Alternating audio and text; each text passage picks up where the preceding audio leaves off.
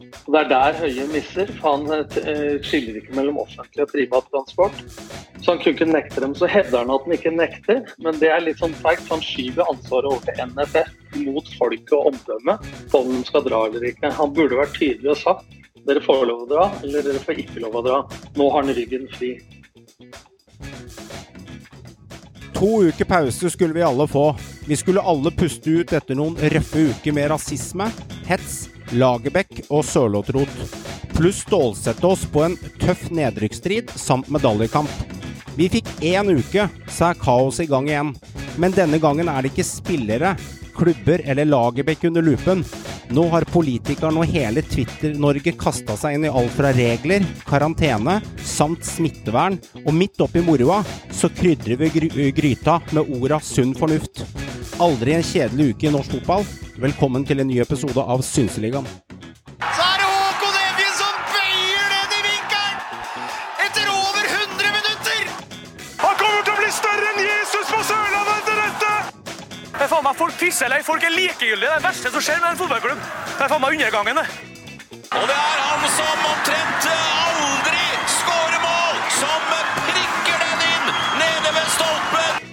Det, det jeg gleder meg mest til, er alle diskusjonene som kommer, og alle som kan alt om fotball, som dukker opp igjen og, og vet fasiten.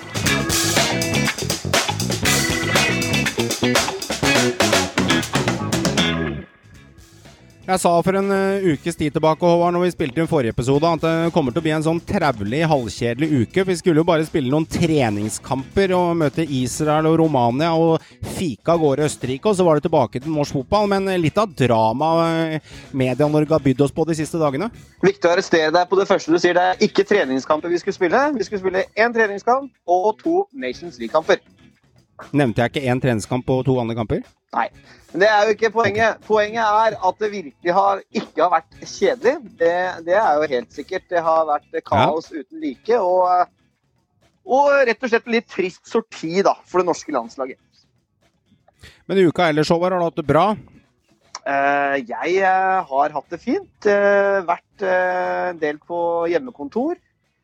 Jobber da med, med diverse saker, og, og, også kommet meg litt ut og vært litt ute i felten og fått litt luft. Det er ålreit. Så på privaten er det veldig OK. Har det fint med familien hjemme og, og har det. prøver å bare ikke tenke for negativt rundt denne situasjonen her, da. Så vi, vi må jo ikke grave oss ned. Det må vi ikke. Du Joakim, godset det blå hjertet ditt. Hvordan slår det? Hvordan har uka vært? Nei, Nå har det jo ikke vært noen kamper, så nå er det greit. Har jeg, ja, jeg spurt hvordan hjertet ditt har slått. Det har vært stille og rolig, det. Har, ja, deilig. Ja, Slappe ja. av og satse på at man har brukt tida smart. Sånn er det. Eh, Meran, eh, jeg har en hilsen her. Jeg kan starte med å lese den. Jeg velger å introdusere deg heller på den måten i dag, Meran. Ja. Og det er at eh, kaktus til neste pod, så må vi gi til Meran, sier en lytter av oss, eh, når du ikke veit at Mjøndalen er kjent for bandy.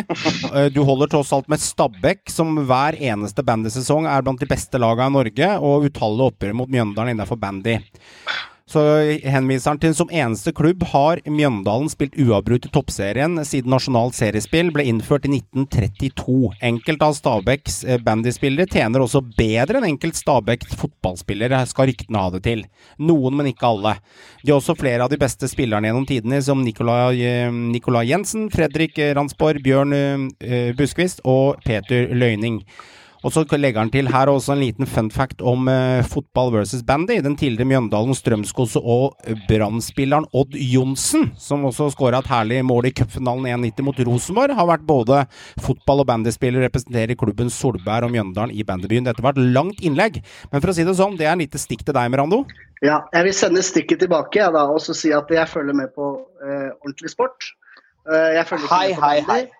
Nå må dere gi dere. Nei, nei.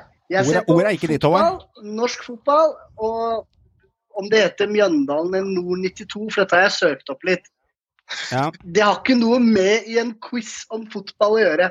Takk for meg. Okay. Da, da, vil jeg bare poengtere at Nord 92, det er innebandy fra Solbergelva. Ja, der ser du. Riktig. Ja, og okay. vi hyller bandysporten litt. En fantastisk sport som jeg selv har vært på kretslaget i. Så en liten shout-out der.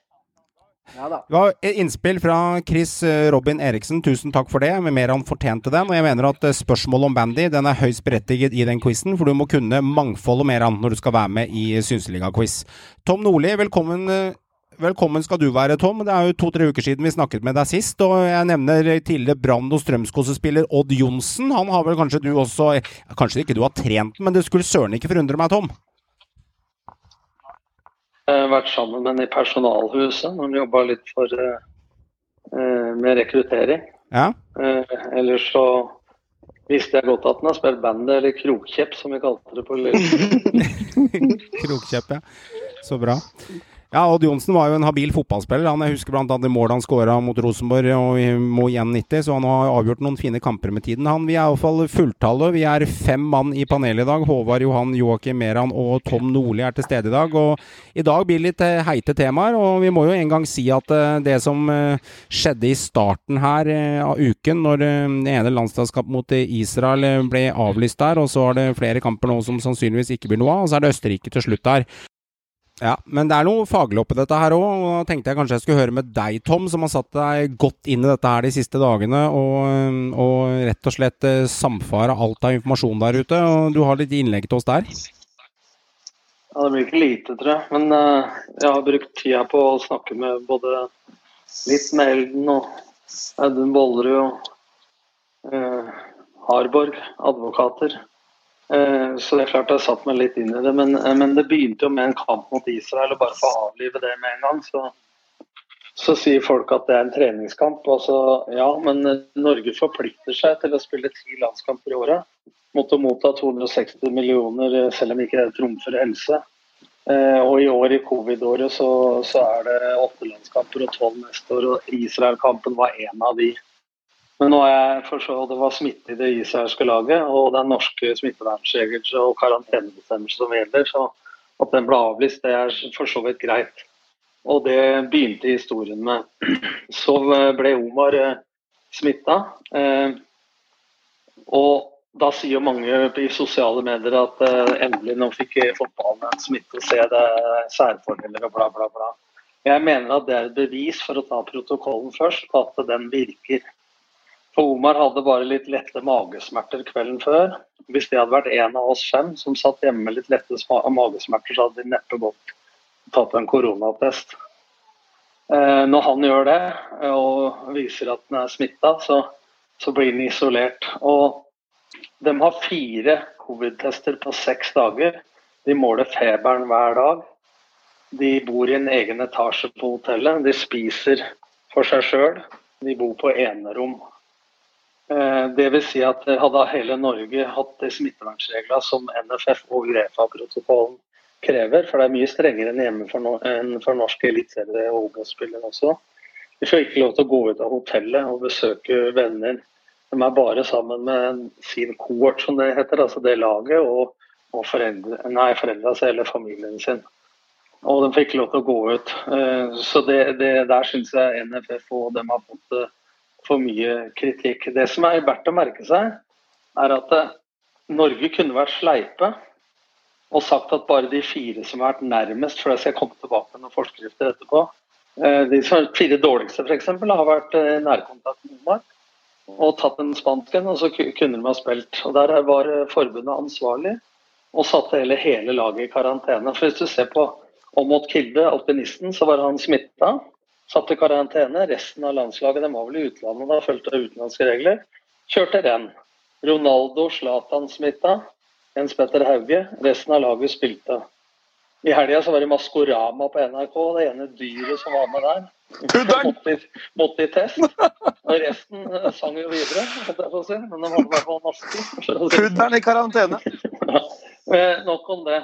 Eh, men saken til syvende og sist dreier seg egentlig om om Norges landslag under karantene har lov til å reise ut av landet eller ikke.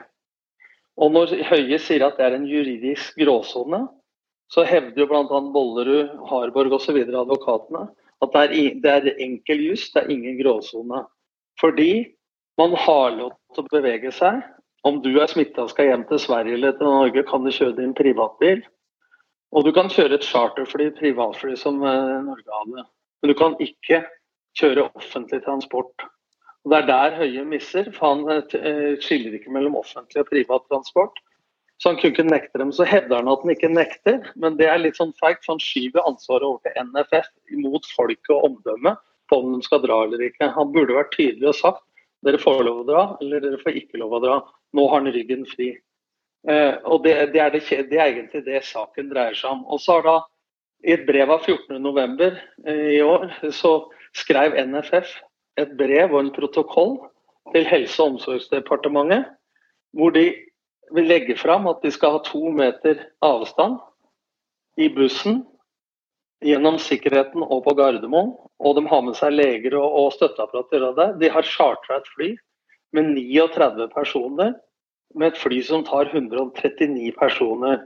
Jeg var i Trondheim for et par uker siden og satt eh, tre på hvert sete altså, som privatperson. Eh, og når de da lander i Romania, så er det da rumenske helsemyndigheter sine lover som gjelder, i tillegg til den strenge Uefa-protokollen. Og det vil si, Da kunne de ha spilt. Hadde kampen gått i Norge, så kunne de ikke ha spilt. Fordi at det er det norske smittevernregler som gjelder. Så kan du si vi er best på smitte og lavest smitte, altså, men Bent Høie har gjort en god jobb og Nakstale som helseminister i Norge. Han er ikke europaminister, for å si det sånn. Altså, hvis du er opptatt av smitten i Norge, så kommer paradokset. Og det er jo at de faktisk velger da å søke om å få dra hjem og fullføre karantene hjemme. For har, folk sier du må sitte ti der i Norge. Hvorfor får med å dra med rutefly? Men hvis du leser forskriftene, covid-forskriftene, så har de ikke lov til å oppholde seg der de arbeider. Altså De skal hjem og sone karantene. Altså, så lenge landslaget er på reise og bor på hotell, så er jo de da på arbeid. Så egentlig så må de dra. Og så får de dispensasjon til å dra med offentlig transport ned. Og da kan du spørre deg, Man skal alltid i jussen og i livet ta en forhåndsvurdering. Og Da kan man med, resultatet i hånd da, si at er det mest risiko, hva er konsekvensen, både sportslig, men hvis du tar det medisinske, at de kjører rutefly hver for seg gjennom Europa hjem for å sone karantene, eller må dra med et charterfly og spille. Nå hadde de også måttet dra med rutefly derfra igjen, da. Men du må vurdere totaliteten, og er det verdt dette? Ikke sant? Og, og dette er saken sånn på folkelig språk, håper så mener man kan skjønne. For dette, det blir, jeg blir irritert når folk sier at fotballen har fått særfordeler. Vi har knapt fått hente unga sine i barnehage og har levd omtrent mye. Vi andre har vært på restaurant og solarium og helsestudio og alt mulig rart i mellomtida, mens de har hatt strenge smittevernregler. Så for meg så er det et bevis på at eh, Uefa-protokollen og smittevernreglene NFF følger, virker når Omar da tester eh, positivt. For han hadde aldri blitt fanga opp hvis han bare hadde hatt de magesmertene som privatperson. Og Da må jeg jo si her at uh, som advokat Bollerud skriver, og Harbar, så er konklusjonen sitat Tiltak myndighetene iverksetter for å begrense handlefriheten til private borgere, herunder Norges Fotballforbund, må ha grunnlag i lov.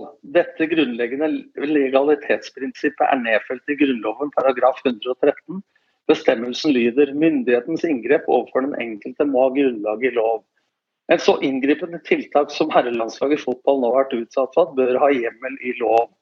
Vår vurdering er at NFS protokoll for reisen til Romania ligger under reglene i covid-19-forskriften. Landslagstroppen kunne følgelig reist til Romania uten å bryte lovverket. Helsedepartementet og helseminister Bent Høie mangler følgelig grunnlag i lov og forskrift for å nekte herrelandslaget å reise ut av Norge for å spille landskamper i Romania og Østerrike. Til tross for den manglende lovhjemmel har statsråden 14.11.2020 gått ut og frarådd herrelandslag å reise til Romania. Og så sier jo da punkt fire i det juridiske notatet og hopper over eh, så det ikke blir for mye regler. Nærkontakt og smittekarantene. Etter forskriften paragraf 4 b personer som har kontakt, nærkontakt med bekreftet smittet person mindre enn 48 timer før den smittede fikk de første symptomene i smittekarantene. Nærkontakt er definert i forskriftens paragraf 3 med følgende kriterier. 1. Person som har vært mindre enn to meter fra den smittede i mer enn 15 minutter. 2. person som har direkte kontakt med en smitte. 3. person som direkte kontakt med sekreter, altså spytt osv., fra den smittede. Det vil jo si at her kunne, hvis man ikke hadde vært ærlig, da bare sagt at det er fire som har vært i ordentlig nærkontakt. NFF var strenge og satte hele laget i karantene. So far, so good. NFF har ikke foretatt noen nærmere undersøkelse om hvilke spillere og ledere som har oppfylt de tre kriteriene. Derfor er hele laget satt i karantene. Eh, og så sier da det siste punktet, eh, 5.2, reisemåte. Er man smittekarantene er hovedregelen et forbud mot å bruke offentlig kommunikasjon. Dette følger av paragraf 5 første ledd, siste setning i covid-19-forskriften. Det er imidlertid intet forbud mot å forflytte seg i privat transportmiddel. Offentlig transport er transport som er tilgjengelig for alle. Motstykket til offentlig transport er transport i privat regi. I NSF brev av 14.11 fremgår det at forbundet hadde leid inn et privatfly til transport ut av Norge. Et privatfly er et transportfly på ingen måte er tilgjengelig for alle. Transporten NFF har lagt opp til er derved ansett som privat. På denne bakgrunn er det klart at den transport NFF har lagt opp til med herrelandslaget, var i tråd med covid-19-forskriften. Sagt med andre ord er det intet transportmiddel i seg selv som har hindret landslagshoppen å reise ut av Norge med det chartra flyet. Spørsmålet vil til slutt sitte igjen da er om flyreisen kunne vært utført uten å bryte de andre reglene i forskriften. Med andre ord så dreier det seg om om du kunne fulgt reglene fra hotellet til de satt på flyet. For når de lander i Romania, så er det helsemyndighetene i Romania og Uefa-protokollen som, som, har funka. Og det er saken sånn. Så sitter jeg også med brevet fra NFF til Helse- og omsorgsdepartementet jeg sitter med det juridiske notatet her fra Audun Bollerud og eh, Harborg. Og jeg snakka litt med, med, Elden også, som, som, sier det samme. Og nå er jo striden For i utlandet nå, f.eks. Sørloth Braut Haaland, så kan de ha to negative koronatester, selv om begge skrev positive. Eh, det er jo positivt hvis den blir negativ, for å si det sånn. Eh, så kan de spille. Og da sier Høie at de kan straffes. Så sier Nakstad at de ikke kan straffes. Det er ikke så lett for hvermannsen å følge med. Så sier Elden på Twitter nå at de kan straffes med fengsel hvis formålet var, eller avtalen med NFF og dem, var at de skulle fullføre karantena. Men hvis man drar inn eh, regel 18 i fotball da, for dommerne sin sunn fornuft, så, så, er ikke vi noen smittevernseksperter, i hvert fall ikke jeg. Men jeg har satt meg inn i det. og det er vel større sjanse hvis det skulle være flere smitta enn Omar, at man smitter flere og uskyldige, holdt jeg på å si, ukjente personer og driver med smittesporing, enn hvis det hadde vært i den gruppa eller kohorten som norske landslaget. Så spør man hva da når man møter en motstander, men de også følger jo den samme protokollen. Og til slutt har jeg lyst til å si da, det er 55 land i Uefa. Og det er ett land som ikke ville spille. Og vi har vært best på smitte og lavest smitte i Norge, men man må se hva hadde vært den største risikoen her? Og helt til slutt, hvis du leser forskriftene ordentlig, så har de ikke lov til å oppholde seg på hotell eller karantene i Norge i ti dager, så lenge det er å anse som at de er på arbeidsreise, og det er vel en landslagsreise. Så de måtte forflytte seg hjem. Og da er det spørsmålet hvordan skulle de forflytte seg. Så må det blitt opp til forbundet å velge om de hadde spilt kampen eller ikke. Men til slutt, Saken dreier seg egentlig bare om de kan forflytte seg ut av landet i karantene. Nei, hvis det er offentlig transport, da må du ha særskilt eh, tillatelse som de nå har fått. Eller med privat transport, det er charterflyet til Norge og charterbussen. Så, så det, det, har jeg prøvd å forklare både med litt juss inn i bildet, som ikke jeg er ekspert på, ikke smittevern, men på en folkelig måte, så folk skal skjønne at det ikke det er mye NFF har gjort, men her har de faktisk vært strengere enn alle andre. Og jeg syns det er litt synd at de får, eh, får så tyn for dette, og at fotballfolket, og senest egne familiemedlemmer, som mener på en måte at fotballen har fått fordeler. Og Det er blitt en gjengs greie og et omdømmetap for forbundet, og det, det er synd oppi dette. Så kan vi synes om de sportslige konsekvensene osv. for norsk fotball, men nå har jeg prøvd å legge det fram fra begge sider. og så kan man vurdere til slutt her om Bent Høie er brukt som bollerus av maktmisbruk, eller om det er rett og slett et politisk spill, dette, gutter. Det, jeg vet ikke om dere forsto rød tråd her, om det var folkelig forklart. Jeg syns det var veldig ryddig og fint forklart. Og Mm. dette her håper jeg også lytterne der ute også får med seg. For dette her, er jo, her legger du jo fram veldig grundig og fint. Og du har også fått fagpersoner og, som har høy kompetanse innenfor feltet til å faktisk argumentere for, for saken. Og det er jo viktig. Ja, det er bare å sende krav på Johan, bare én ting, bare en ting, Johan. Ja. Og hvis hvis Bollerud da eh, han snakka med NRK i dag, så kan det hende at dette blir en sak i, i debatten i morgen med Fredrik Solvang på NRK. Mm. Det er jo moro hvis Synseligaen kan eh, være først på banen, og så og be dem lytte til og se på debatten. Debatterer ut oss først? Det, det, skal, det, det, skal, det skal vi få til. Du blir invitert som gjest fra sida du, Tom, nå i morgen på Debatten. Da. Da, må, da, da, må man kalle en ny person daddy når han skal koble opp systemet her, for, å få lyd og orden. Men det var veldig bra forklart, eh, Tom. Du Jeg det pleier var å fikse det i NRK, skjønner du, Johan. Ja, det er det som er, det er, det som er, det er, det, det er det som er fordelen der. Det var rart du ikke hadde plukka med noe og lært noe fra den eh, lydmiksen, for eh, det var sånn det ble. Men du Tom, jeg syns det var kjempebra at du hadde nøsta opp i alt som krøp og gikk til høyre og venstre. Og jeg må jo si, når jeg hører resonnementet ditt fra A til fra fra Omar, Israel og helt til slutt der, på hvor faktisk skoen trykker det er ikke rart man blir tulleruskåver når man sitter og leser twittermeldinger eh, opp og ned mente, og folk som mener og folk som sier, og så åpner man Dagbladet, og så åpner man VG, og så åpner man Aftenposten, og så kommer det den ene eksperten etter den andre som sier, mener og synser. Vi blir jo helt satt ut, for, eh, for det, det er ikke lett å forholde seg til faktisk hva som skjer alltid. Du blir jo ekstremt påvirka av hva du leser i media. Og hvis du da som en eh, vanlig Ola Nordmann også kanskje kun leser overskrifter, og ikke går i dybden, så blir, er det lett å bli lurt, holdt jeg på å si, enten den ene eller den andre veien. Så det er viktig at det, fakta kommer på bordet her.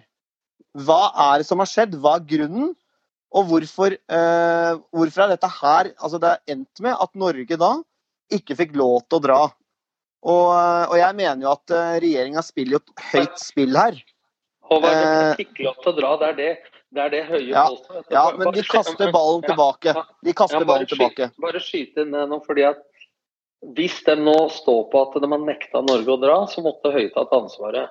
Da hadde kanskje Norge fått loddtrekning i kampen mot Mm. Ja. Ro, ø, ø, Romania.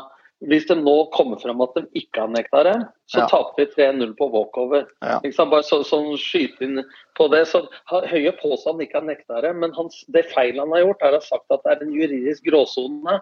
Og juristene sier at det er ikke grått hele tatt, for det er enten offentlig transport, det er forbudt, privat er lov. Det er hele saken egentlig, hvis du koker det. Men, men det jeg syns vi kan også synse litt rundt, hvis vi ikke ta langt på det, men jeg skjønner ikke hvorfor er blir fotballen nærmest eh, kasta under bussen av regjeringa opptil flere ganger. Hvorfor er det så viktig for Nakstad, Gullvåg og Høie eh, å ta fotballen og sette den på plass? Det stusser jeg over. Hvorfor ikke, som andre land gjør? Som du sier, Tom, vi er det eneste landet i hele Europa der dette er en case. Hvorfor ikke finne en løsning? Det forstår jeg ikke til alles beste. Men altså bare et spørsmål da. Jeg har et spørsmål til Tom her, da, siden du har jo på en måte vært litt gjennom det. Men det snakkes jo mye om jurister nå på den andre siden. Men har ikke helsemyndighetene og regjeringa jurister, da, eller? De må jo ha hatt noen jurister som har ment at dette er en juridisk gråsone. Så du har noen jurister som sier noe. De må ha noen jurister som sier faktisk at ja, dere har rett, dette er en juridisk gråsone. Men akkurat det jeg sier nå med Reisa, er Ellen enig. Ja. Og Harborg, som jobber i Nesse, eller hva det heter, det er jo faktisk regjeringsadvokatene. Ja, ja. det jo Ja, det var det jeg ville ha fram, da. Ja, og, Og liksom vite hva det er. Ja, og de sier jo til meg, eh, Bollerud, at de har jo faktisk alle muligheter under seg, helseministeren, til å bruke sitt juridiske apparat oppi dette. Det er derfor man begynner å spekulere i dette. Er dette politisk? Altså Nå har håndballen fått keeperen smitta. Det er foreløpig ikke noe ramaskrik der. Eh, Jeg, eh, jeg mener ikke at det skal være det nødvendigvis. ikke sant? Altså, det var skiskyttere i Sverige, ikke Tiril Eckhoff og de beste, men det var jo andre norske skiskyttere som gikk renn i Sverige i helga, i et rødt land. Det har ikke vært noe debatt om det, osv. Men dette for, dem som sier Jørgen Skavlan, legen, skrev i går på Twitter at fotball er lek. Ja, det er det. Men for de som vi snakker om her, så er det arbeidet deres. Akkurat som du er rørlegger, lærer eller lege eller hva det er, så er det et arbeid på lik linje med andre. Og for å ta det sportslig, da. Selv om vi snakker at fotball er lek og det skal være gøy, så er dette her big business. Og det er eh, en prestasjonsgruppe som har jobba i flere år for å få til resultater. Og det det egentlig vil si, når vi, ta, når vi da taper denne kampen mot Romania på walkover, så raserer det vår mulighet til å nå en playoff i et VM-sluttspill. I tillegg så ødelegger det for rankinga vår. Det ødelegger for gruppa som skal trekkes i VM-kvalik neste år. Og vi har på mange måter en umulig oppgave å komme til et VM-sluttspill pga. det her. Så det er sportslig sett så er det katastrofe for det norske landslaget. Og så kan vi si ja, vi hadde ikke vunnet likevel, Norge er så dårlig og sånn og sånn. Men poenget er dette her, de, de mister en enorm god mulighet til å nå en playoff i et VM, og for å få en mye mer gunstig trekning. Og ikke minst på ranking. Kunne endt blant topp 20 nasjoner. Det er umulig nå. Men da vil den som driter i fotball si at uh, fotball er ikke viktig i et samfunnsverksted opp mot helsa. Og det er jeg enig i. Jeg sier ikke at det måtte ha spilt uansett. Men så lenge Det er der du må ta den forhånds, i forhold til eh, risikoen vurderinga på forhånd. ikke sant? Hvor mye smitte blir det av å dra privat og spille en kamp mot et lag som følger samme protokollen, mot å reise med rutefly nå f.eks.? Er det verdt all den konsekvensen? Og Da blir det jo på en måte at man setter seg over loven. da. Fordi at uh, Høie har jo på en måte ikke fulgt loven, for de har lov å flytte seg med privatfly. Så hvis forbundet nå hadde valgt å dra, tenk den balubaen hadde blitt. Men mm. de kunne ha gjort det. Ja. Men hvorfor tror du, Tom, at uh, dette her er så viktig sak for Høie? Nei, altså jeg, Som Bollerud sa, at han har vært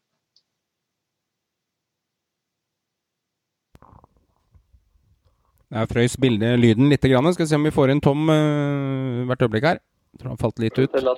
Vi starter på nytt der, Tom. Du Start på nytt på Bollerud. Ja, ja. ja at Bollerud som har vært medlem av Høyre i 30 år, eh, han sier at nå måtte han si fra til, til Høie her og har sendt dette brevet osv. Men eh, man lurer jo på da om det er Når man sitter og tenker at hvordan vil resten av Norge reagere nå. For Den gjengse oppfatninga er jo på en måte at fotballen har fått masse fordeler. Ja, de har fått fordeler fordi at de får lov å spille. Det gjør andre idrettsutøvere òg. Men det må vi jo takke de forskjellige særforbundene og Lise Klaveness for. For at hun gikk i bresjen og lagde et protokoll som gjorde at faktisk helsemyndighetene godkjente det. Og helsemyndighetene har jo også godkjent at Norge kan være en del av Uefa-protokollen. Og så forandrer jo smittebildet seg osv. Men, men, poenget er at eh, jeg sier verken ja eller nei, men, eh, men poenget er at jeg syns forbundet har blitt den store stygge ulven. Mm. Og de har hatt så strenge regler her sånn. Og jeg mener at de har handla det på en ordentlig måte. Og de respekterte også anbefaling om å ikke dra, med de konsekvensene det har. Med at vi da kanskje taper 3-0 i loddtrekning, og økonomien i det. Og at man da må stille med et nødlandslag mot Østerrike. Jeg må, jeg må, bare på en måte være Jeg skal være litt sånn djevelens advokat her, for jeg er egentlig enig i mye. Men du glemmer en viktig ting. da, Det er jo det at NFF er også den største og den sterkeste av sportsforbundene. Og det har mye å si. Så det er klart at det er lett å si at ja, de var flinke til å sette opp eh, det og det, de var flinke til det og det. Men andre forbund vil uansett føle seg mindre, for de har ikke de samme ressursene, de har ikke de samme kapasitetene, de har ikke de samme mulighetene. Så det er en liten Der kan du snakke om en liten gråsone, selv om jeg er enig i hovedresonnementet, da. Det er jeg. Men eh, det er lettere for NFF enn noen andre sporter å på en måte fronte seg hardt, da. Og der fant Tom ut på ny. ja. Ser Ta en sånn- liten pause i mellomtida. Der, ja. ja, ja. De, de, andre forbundene har faktisk gått og sagt at fotballen fotballen gikk foran. Og at de har lært av protokollen i fotballen, på en måte. da. For at jeg kjenner så mye fotballspillere som, som, lever isolert. Og det som irriterer meg altså Jeg respekterer høye og smittevern og alt som mulig, men jeg vil ha klar og tydelig kommunikasjon. Og så vil jeg ikke at den som eh, har gjort alt for å unngå smitte, ved streng protokoll blir nå sett på som den store omdømmeskurken oppi der. Og det er det som irriterer meg oppi det. Mhm. såpass mye jeg snakka med Klavenes og, og, og, jurister og alt mulig, og fotballfolk, og kjenner jo til hvordan denne protokollen funker. Jeg er helt enig, Tom, for det er det som eh, ofte det på en måte blir en sånn oppfatning. Og at fotballfamilien eller fotballfolka får en stor fordel her. Jeg tror ikke vi skjønner hvordan de lever i sitt dagligliv. Altså, Det er jo så inngripende på så mange måter som de ofrer for at de kan få lov til å spille fotball. Det er ikke i nærheten av hvordan vi lever. I den første bølgen så fikk jo ikke spillerne lov til å hente barna sine i barnehagen. Ikke sant? Altså, men nå er jo Uefa-protokollen bare så klar over det enda strengere enn den vi har ført i Norge. og Du kan jo telle antall smittetilfeller i norske klubber. Og det er klart at da, kan, da kan man si at de som er smitta i Norge, har blitt smitta på, på reise. Så alltid, men hvis man reiser da privat i sin kort og Det må man være klar over at de spillerne i Norge som ble satt i karantene utenom Omar, alle de har testa negativt fire ganger i løpet av denne uka. Og det er, når Tyskland, da, Pfizer, nå driver sammen med Modena, det amerikanske firmaet, og lager covid-19-vaksine, så er vel tyskere altså kjent så ganske gode på medisin og, og har sitt, sine helsemyndigheter og, og, lover og regler, så kan vi si at vi er minst smitta alle. Selvsagt har Norge vært eh, flinke, men jeg føler at det har gått litt sånn det må være en del misforståelser på veien her, og en del prestisje i saken, sånn jeg ser det utenfra. jeg har ikke noe greier på smittevern eller noen ting, men Sliter litt med lyden der, men kommer tilbake.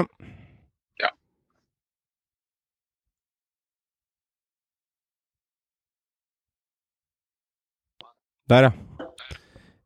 Må jeg ta det på nytt? Ja, sa du, ja, du falt, falt ut på eh, Du har ikke så greie på smittevern, og så falt den. Ja.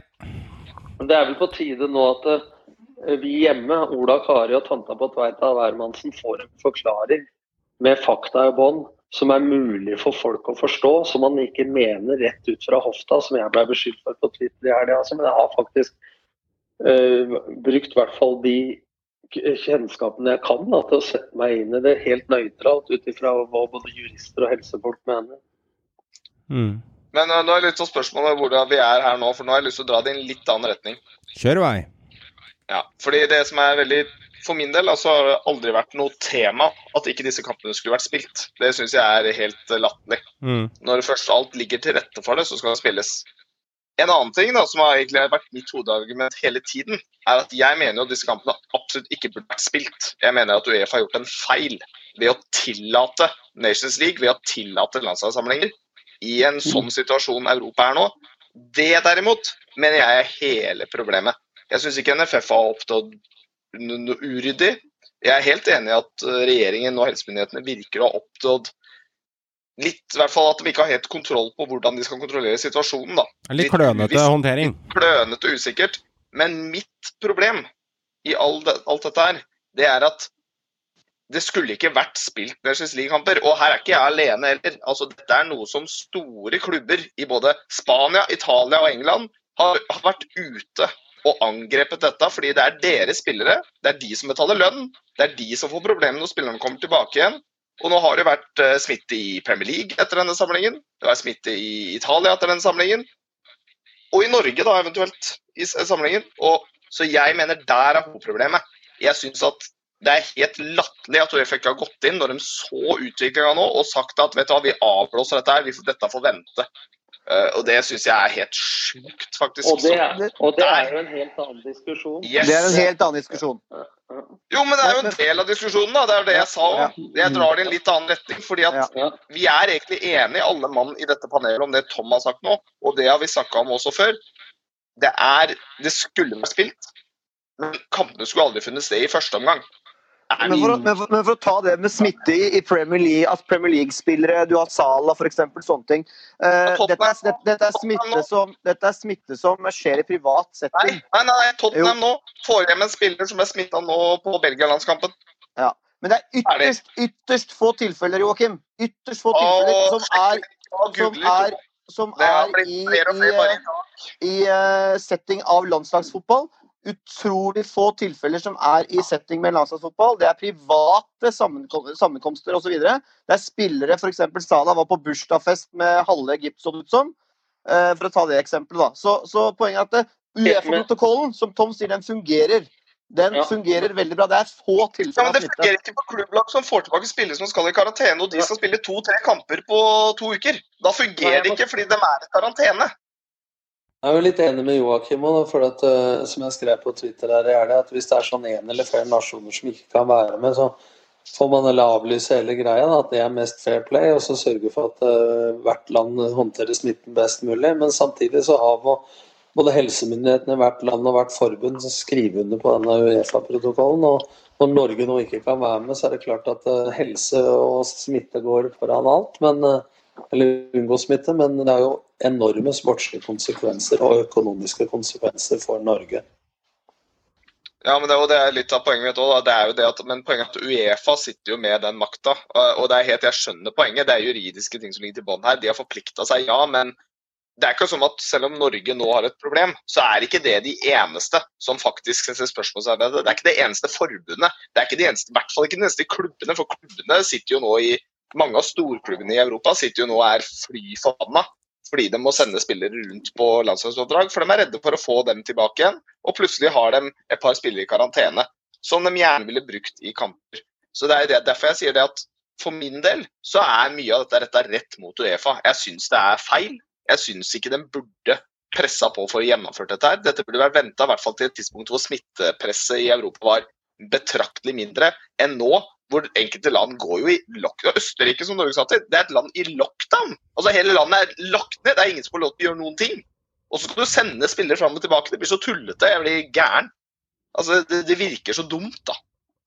Eh, Men saken er at eh, de er nødt til å på en måte få pressa inn og få fullført. Vi har allerede, ikke sant, for å se det på sportslig, sportslig settet, vi har allerede utsatt eh, EM-mesterskapet. Det skal spilles neste år. Og Nations League er jo nyvinninga til Uefa. Og vi er nødt til å på en måte få fullført det. Så de, var på en måte, de hadde jævlig press på seg for å få fullført dette her i 2020. For det er mesterskap neste år, og det er ny VM-kvalik allerede neste år. ikke sant? Så jeg skjønner jo Uefa oppi der også. at De må på en måte komme seg gjennom 2020. Eh, og da, da, da har alle andre land klart det, bortsett fra, fra Norge, da, å legge til rette. Men så fører det kanskje til da, at du har plutselig klubblag fra England og Spania som ikke klarer å stille lag til Champions League. Og da havner Champions League i samme problem. Eller Europa League. Og da har de bare flytta problemet fra landslag til klubblag. Så det er det som er hele poenget. De vil, de vil gjøre alt samtidig. Men de burde kanskje skjønt at det er ikke tidspunktet for å gjøre alt samtidig. Nei, men hvem bestemmer, men hvem bestemmer hva som er viktigst? Det er Uefa. De, de som sitter med Champions League, vil hevde at det er eh, viktigst. Som Det er også Uefa. Det er Uefa. Altså, det er Uefa som har alt. Så de burde jo Men de vil gjennomføre alt. Jeg skjønner det. Og det Det er sier jo- seg selv at de vil det. Det er jo ikke Uefa som har eh, VM-kvalik. Nei, nei ikke VM-kvalik, men EM-kvaliken. det regner jeg med Fifa inn i. Og Nations League er Uefa. Men Fifa har VM-kvaliken. Men du sitter på hver sin tue, og det, eh, det, det, poenget er at det, det blir jo veldig mye på, på, på en gang. Men, men, men samtidig, når vi er i en situasjon hvor alle landene har signert disse avtalene og protokollene, så må vi jo prøve å fullføre. Og fakta er vi er det eneste landet som ikke klarte det. Og det kunne vært løst på en helt annen måte. Ja, denne, i denne settingen, helt enig. Og det er jo ingen her som er uenig. Disse kampene skulle vært spilt ferdig snakka. Så enkelt er det. Men løfter man blikket litt grann, eh, og ser det ovenfra og legger seg sånn ørn, da, litt sånn Kjartansson-ørn over hele, hele Norge, og ser det, så ser det ut som Norge driver med egne regler versus andre forbunder i Europa. Eh, det var jo, Bent Høie er jo ikke Han er jo ikke folkeministeren for 50 land. Han har jo lille, eh, lille kladden oppe i nord her, med all respekt for Norge. Det er bra, det, men har en liten flekk på kartet i forhold til alle andre.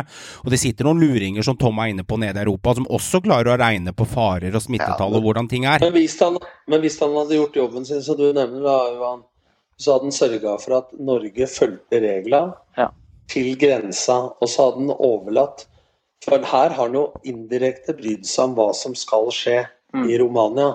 Ja. Ikke sant? Og så kan du si at ja, men det er lurt, for det må gå an å bruke sunn fornuft, og vi har vært best på å smitte alt som er. Mm. Men du må skjønne hvor din myndighets- eller ansvarsområde begynner og slutter. På en måte, og Det er der juristen Audun Bollerud mener at det på en måte er politisk spill, og man bruker makta på en måte til å si at det, Og da sier han Hadde han- han eh, vært klokkeklar og sagt at dere får ikke lov å dra, så veit han antageligvis at han hadde brutt de juridiske eh, lovene. Der det er så det sterkt, og så overlater man det til forbundet å ta bestemmelsen. Og så blir det forbundet opp mot resten av Norge og omdømmet alle som har hater mm. Og så, videre. så man setter Det er jo en kjent altså Det er jo dårlig ledelse å sette medarbeiderne sine opp mot hverandre istedenfor å ta Ja. Det er derfor det heter ledelse, for at ledelsen skal bestemme. ikke sant? Mm, Og I mm. det, i det tilfellet her så har man råda og ikke bestemt. Ja, og så er jo neste spørsmål Hva blir konsekvensene av denne heksegryta her? Det kan jo ende med at eh, ja, vi kan jo faktisk rykke nedover eh, på disse Nations League-puljene, ABC, hvis ikke jeg tar helt galt her, som eh, de er kategorisert i, Håvard. Det er enda lenger ned, men vi kan i verste konsekvens rykke ned til C-pulja. Og som jeg var inne på i stad, det, det har mye å si for rankingen vår. Eh, som da vil si at vi får eh, bedre og eh, lettere motstand i, eh, i neste VM-kvalik. Eh, hadde Norge da klart å komme seg blant topp 20, så er det veldig mye mer gunstig trekking for oss. Og, ikke minst så mister vi muligheten. Veldig trolig for å, også, å kjempe om en, en ny playoff til VM. Så dette er store sportslige konsekvenser da, som har blitt rasert nå etter mange års arbeid for det norske landslaget. og Selvfølgelig kan du si ja, vi svikta mot Serbia, men, men det, det har ikke så mye å si i denne settinga her. VM-kvaliken vår er på en måte mange måter rasert nå grunnet det her som har skjedd. Mm. Men det blir kult å se da, hvis vi nå skulle vinne med nødlandslaget vårt. Ja. Så vil, jo så vil jo alle som hater fotball, politikere, si at jeg ser det var ikke så farlig allikevel. Å ja da. Å ja da. Det, det er jo et det Vi ville bare bevise at vi har mange gode fotballspillere i Norge. det er et eh, Hollywood-manus det der, hvis Norge tar og vinner nå i, i Østerrike. Men det kan bli film av det. Ja, absolutt. Det Men det er, det er verdt at nå diskuterer vi de sportslige konsekvensene. Ja. Ikke vi her tror at vi driter i, i smittevern osv. Det syns jeg altså innlegget til Joakim her tyder på at vi ikke har gjort. Og, og innledningsforedraget mitt er jo ikke snakk om at det er mine meninger, men det er prøvd å belyses ut ifra hva som faktisk har skjedd, ut ifra et sett med regler og lover. Og så er det en ting til, som juristen sa til meg også, Bollerud, at det, det går av grenser for hvor mye til slutt du kan nekte mennesker å gjøre før det går over i menneskerettsdomstolen eller konvensjonen. Da, for at det, I hvilken som helst posisjon i landet så kan man ikke bare bestemme at det har du ikke lov til, og hvem har lov til å si det. I Sverige er det jo eh, Tegnell som bestemmer over regjeringa. Mens i Norge så er det regjeringa som bestemmer over helsemyndighetene. Så det er jo omvendt i Sverige. Ikke sant? Så det er ikke så lett for oss som sitter hjemme da, å ikke få lov å gå ut og, Nei. Og skjønne hva som er. For leser du Dagbladet, så sier Nakstad at eh, den blir straffa. Leser du NRK, så sier eh, Høie at du kan bli straffa. Og så sier en jurist det ene og en det andre. Så, så, så det jeg tror jeg at eh, Ordet kommunikasjon eh, bør være enkelt, men eh, det viser jo seg at det er det som er den største utfordringa i samfunnet generelt. Det er jo Men det er jo liksom bare smått utrolig hvordan det skjedde. Da. Altså, flyet har lasta, spillerne sitter nærmest klare på flyet før det skal lette, og blir da beordra tilbake på hotellet. Og veit du hvorfor? Så- Jeg må skyte inn der, Håvard. Vet du hvorfor Ja. de satt klare? Fordi at de hadde søkt Helse- og Mm. omsorgsdepartementet Ja.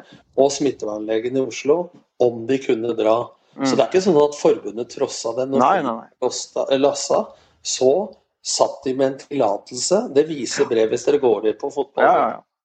Eh, Så har de tillatelse. Men så går da Bent Høie og de overordna inn Mm. og kommer med en sterk anbefaling som forbundet oppfatter som å nekte. Ja. Ikke sant? Det er jo saken. ja, det er saken. Men så er det sånn, bare sånn, men vi er helt inne der. Nå, seks spillere i Ukraina som spiller i forskjellige ligaer i Europa, smitta på landslagssamling. Akkurat nå, for en halvtime siden. Det er mitt poeng. Men vet Det er, det er seks. Ja, det er, de har testa positivt. Ja, De blir satt i karantene. Ja, men hør nå. Du veit inkubasjonstida. Omar ble jo ikke smitta. Nei, nei, nei. Helt riktig. De som er på landslagssamling Ja, men vent nå. Er de som er på Karantene? landslagssamling Det er ikke Har de si. blitt smitta på samlinga? Har de blitt smitta som Men det på poenget er at de skulle ikke samlet. Det er det jeg mener. De skulle ikke vært samlet. For det setter jo nå karanteneregler for resten av gruppene som har vært i nærkontakt. Det er det jeg mener. De skulle ikke vært samla. Da kunne det vært gjort internt i klubben. Men det syns er ikke, mitt argument. men syns du ikke det er litt rart også, Joakim, at Som jeg nevnte i stad, at mm. Mhm. Norges landslag er i, i karantene hele laget. I, I Juventus og i Milan så var det bare spilleren hvis de andre har negativ test. På alpinlandslaget så var det om å kilde. Altså, så det er ikke så lett her å vite hva som er hva. Og så må man faktisk akseptere, både Bent Høie og andre, at idet et fly lander et annet sted, så er, må man respektere at andre land ser på en annen måte. Og vi har vært dyktige i Norge, men det er ikke sånn at 5,5 millioner mennesker, en liten flekk på verdenskartet, at vi nødvendigvis veit best bestandig eller? Den holdninga syns jeg begynner å bli litt sånn vel nasjonalistisk, da. Ja, det er jo, men det er jeg 100 enig i. Eh, men det er jo derfor igjen Vi er enige om argumentene her.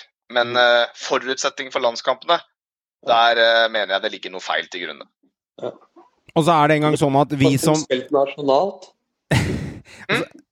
Ja, du kunne spilt nasjonalt isteden. Ja, og så er det en gang, en gang bare si en ting. Det er en, vi som har fotball godt i hjertet, da, og det har i hvert fall eh, kjent mye på at eh, vi føler ikke at det er første gangen regjeringa tar fotballen og dunker den under bussen og kjører over med en trailer. Eh, vi, vi har ikke akkurat stått først i pølsekøen her med, med tikroninger for å få korv, altså. Jeg føler at eh, det, er, det, det, det, det føles urettferdig til en viss grad, da, som barna sier på barneskolen, Håvard. For det har vært mye med fotballen i år. Eh, de skal tas hele tiden, og vi skal pirkes bort i hele tida. Så frustrasjonen er jo der. Sånn, frustrasjonen er stor blant både oss som fans, Mm. oss som er i bredden, eh, og nå også da eh, landslagsmiljøet. Og det skjønner eh, Jeg tror også faktisk det er Ola Nordmann der ute, som kanskje heller ikke er så fotballinteressert. Jeg tror også mange også der skjønner at det, det er stor frustrasjon. Fordi det føles urettferdig. Ikke sant? Eh, og sånn som bredden ble behandla også. En hel sesong røyk. Mens mange andre ting fikk åpne. Jeg selv er i bredden sjøl. Jeg og Meran er jo, er jo fotballtrenere.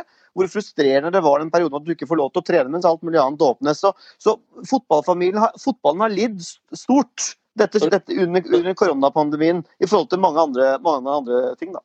Men når du ser engasjementet rundt nødlandslaget nå, da, så kan du tenke deg hvor mye folk Det har noe med psykisk helse å gjøre. Hadde gleda seg til å se disse landskampene.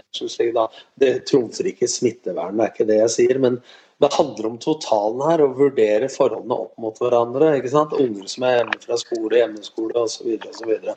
Altså, når man greier å engasjere seg Hvis de hadde tatt ut det landslaget her i en sånn januarturnering i et eller annet eh, land som de hadde før i tida, og de hadde tatt ut den troppen her, så hadde Norge knapt giddet å sett på, selv om det er gode spillere som er med. Men nå liksom så sitter folk nå og håper på underdoggen. Skal Ja. klinke til å vinne. ikke sant? Så det er et engasjement rundt den kampen som er helt vill. Det viser jo at det betyr noe. Fotball betyr ekstremt mye for veldig mange. Det, det er dette her et også godt Kan jeg ta ett eksempel her, gutta? Det er en historie, bare. Kjør den, Tom, og så setter vi strek for temaet. Ja, det, det er ikke noe om meg. Men jeg, jeg har sagt det, tror jeg har sagt det en gang før i en sammenheng, at jeg fikk Høyersprisen, en pris i Skien, for å sette Skien på kartet når vi rykka opp i Eliteserien. Nå ble det nummer sju første året. Nummer to var Einfrid Halvorsen, som var i regjeringa og leder av Mental Helse Norge. Så fikk jeg en sånn plakett, så sa jeg det er vel viktigere at du tar denne enn at jeg får den. Så sa henne, som var leder av Mental Helse Norge, hvis du veit hvor mye fotball har å si for den mentale helsa til folket, så beholder hun, meg. Bare sånn lite sånn apropos. Eh, Men nå får vel eh, folk på nakken da, for at vi tror fotball er viktigst i verden igjen. Men vi prøver å se det i perspektiv. F- Fotball er jo folkehelse. Det er psykisk helse for veldig mange. For meg og Håvard så er det jo negativ folkehelse. Ja, det, det, det går i en berg-og-dal-bane, dette her. Altså, det skal riktig sies. Men altså, det som skal slå fast alle sammen her, altså fotball, det, er- det er ikke viktig Det er viktig for ekstremt mange på ekstremt mye forskjellige eh, nivåer, da. Altså, det, det er En, en Det forebygger jo. Ja, men en forskningsrapport nå, nå skal jeg love å sette punktum på det, viser at én av fem, leste jeg på NRK, er, de, er deppa. Og da bør man rullere på hjemmekontor, ikke de samme hver gang. Også oppi 70 er misfornøyd på arbeidsplassen gjennom disse koronatidene. Da trenger vi også noe vurdert opp mot risiko som folk kan glede seg over, tenker jeg da. Om det er teater eller om det er fotball eller hva det er. Innafor, vel å merke, smittevernsreglementet. Hei, du hører på Synseligaen av fans for fans. Mitt navn er Yao Mankwa, midtstopper i Stabæk. Og hvis du lurer på hva som foregår i klubbene, tabbene, målene, og ikke minst har lyst til å høre fra profilene i Eliteserien, så er dette podkasten for deg. Meran, du Meran, jeg har sittet og sett på ditt vakre deg, og du har sittet og smilt og observert og kost deg i bakkant her. Sifuentes ferdig i Sandefjord. Um, hva har Sandefjord begitt seg ut på her? Har de, uh, har de tenkt smart? Uh, for dette her er en vei de har staket ut, og de vet hvor de er hen, hvor de skal hen? Eller uh, har de driti på draget, som vi sier på godt norsk eller eh, nordlandske språket? Hva tenker du? Jeg tror de har driti seg ut, men det er jo selvfølgelig økonomi inne i bildet her, som Mhm. jeg tror Sandefjord bruker som en unnskyldning. For han fikk jo aldri på en måte, De satte seg aldri ned og ga han et reelt tilbud, da. Eh, Nå har det vært mye snakke, snakkerier holdt jeg på å si, om dette her. Eh, Forholdet mellom eh, Bugge og Sifuentes, ikke minst. Men jeg tror Sandefjord nå eh, har driti seg ut. Det er mitt førsteinntrykk av, av denne saken. Jeg eh, tror jeg er enig med deg, Meran. Jeg tror det er en, en stor tabbe av Sandefjord som klubb å, kvitte seg med, med Martis Fuentes. Og ikke sette seg ned og prøve å få en forlengelse. For uh, dette her sier jo spillerne selv også. Uh, han har vært ekstremt viktig for den spillergruppa. Det er spillere som har kommet til klubben pga. han. Hvis ikke da Sandefjord har tenkt å gå en helt, helt annen vei, så, eh, så tror jeg at dette her er en tabbe fra Sandefjords side. Uh, Selvfølgelig skal man respektere økonomi. Siv forventes har et stort, stort team. Men man må i hvert fall sette seg ned og prøve å forhandle, tenker jeg, med en så suksessrik trener. Det, det jeg sitter med her, er min kjennskap utenfra til det, at de har prøvd. Men det er jo krav og forventninger. Altså jeg tror på en måte at Sifuentes i seg sjøl har gjort en kjempejobb. Og, og han i seg sjøl tror jeg ikke er for dyr, men han har med seg et voldsomt apparat. Og jeg Ja. tror er et poeng der at eh, Sandefjord kommer til De har gjort veldig løft nå på ungdomsavdelingen og akademiet sitt og begynner å hevde seg lenger ned, som de har slurva på i mange år. Så jeg tror på en måte at eh, de sakte, men sikkert, både pga. økonomi, men også pga. profilen og sportsplanen, ønsker seg en litt annen, eh, annen retning. Så jeg, vet at de har prøvd, men det går jo da på at eh, de skal møtes og godkjenne hverandres krav og forventninger. Ja, for Det var jo egentlig det jeg tenkte på. Det eneste som kunne være en godkjent årsak her, er jo rett og slett du snakker om et klubb som rykka opp og reduserte sitt budsjett. Og Hvis du da har en hovedtrener og støtteapparat som krever for mye for å fortsette, så blir det jo helt, også helt feil av klubben å skulle begynne å bøtte inn masse penger der, hvis de har en annen tanke enn den støtteapparatet har. da. Så jeg, jeg tror ikke den bare har sluppet inn, for han har jo fått klubben altså De ligger jo ikke på trygg plass, men den ligger greit plassert. Så jeg tror ikke den bare sluppet inn av fri vilje. Jeg tror nok de har prøvd å få til noe. Noe annet ville vært rart, syns jeg. Men en liten oppfølging til deg, da, Joakim. Jeg ser den, men eh, hvis du overlever Eliteserien og slipper å rykke ned, så kan du spare deg for mellom 17 til 35 millioner kroner. Det er hofta fra min side. Det vil jo kanskje lønne seg, Joakim, å ansette riktig trener for å holde seg i Eliteserien, da? Jo, men da har de jo kanskje altså, da har de tatt den avveiningen, da, at de regner med at de klarer å holde seg. Det er jo den avveiningen de har tatt nå. Ja, men det kommer jo et og- 2021 til 2022. Jo, jo, ja, ja, det er greit, men da har de en, forhåpentligvis en plan videre, da. En plan som er billigere, en plan som er mer i tråd med hva de ønsker å gjøre videre. Mm. Eh, Som da kanskje ikke samsvarte med det Fuentes krevde eh, og ønsket av klubben eh, for neste år. Så det, du, si- så, så det du sitter og sier for å følge opp, det kan egentlig være sunn klubbdrift, og de har en lengre plan der som kanskje ikke vi ser? Selvfølgelig kan det være det. Du, altså, du kan jo ikke bare anta at en klubb driftes idiotisk. Nei, nei. Så de må jo ha en plan bak her. De må jo ha en tanke at dette er det mest fornuftige å gjøre. Mm. Eh, og da tror jeg kravene til Fuentes, litt som Tom er inne på, kravene til han og det apparatet han har med seg, har hatt påvirkning på den avgjørelsen. Eh, Jeg tror nok også det er, det er mye av det som du sier, Tom, med egenutvikla spillere. For det er ikke noe tvil om at Juventus har henta mye importspillere fra over hele Europa. Fra både Østerrike, Andorra, eh, mye spanjoler osv. Uh, og de, har nok, eh, de ønsker nok en mer lokal profil, tenker jeg, eh, og, og går litt mer back to basic. Men rent sportslig så tror jeg at Sandefjord kommer til å tape på dette her på eh, kort sikt, kanskje allerede neste år, og skal slite hardt for å holde plassen. Jeg tror de holder seg i år.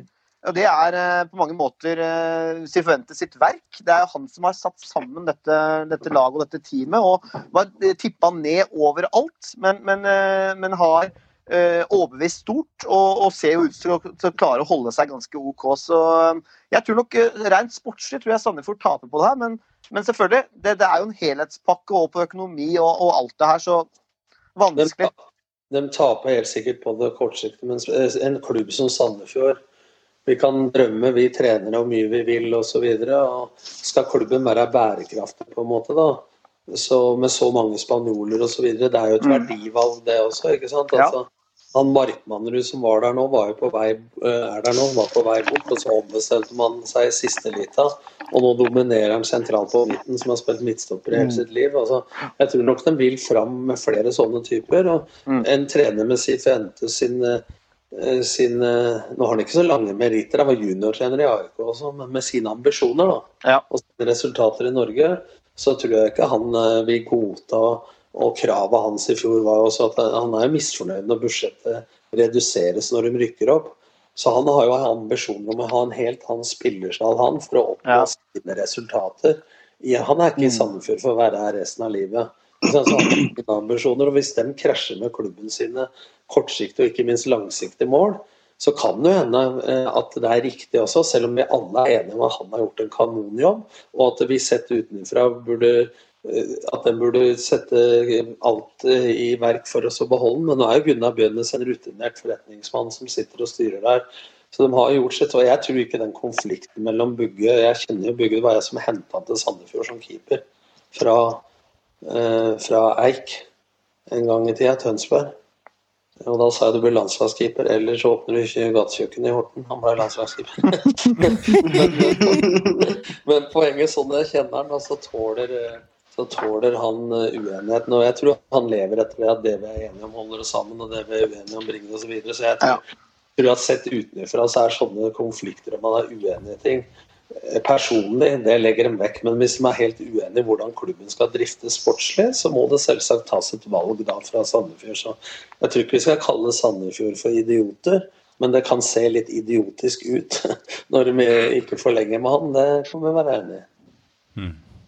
Kandidater da, gutter. Det har vært diskutert litt. Grann. Jeg hørte bl.a. på noen eh, andre podder der ute. og Det er noen som har vært frekke nok til å ja, diske opp eh, Nesselquist, som han heter vel, fra Strømmen som trener. Har bl.a. Eh, vært skrevet litt grann om der. Og ja, det, jeg vet ikke helt. Jeg ligger i bånn av Obos-ligaen og fått ja, to, kun to tap på de siste ti, for det er til bøtte tett i bånn av Obosen.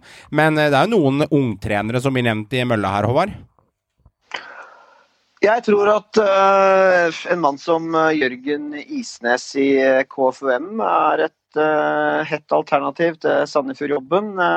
Jeg tror også faktisk kanskje at Lars Bohinen, som har vært der lenge før og gjort det ganske bra med Sandefjord, riktignok vært et jojo-lag når han var i Sandefjord, og rykke opp, rykke ned, men, men han kjenner klubben godt. men jeg tror kanskje Isnes er et alternativ. Det du sa om Bohinen, der, det skjer ikke, Håvard. Ok.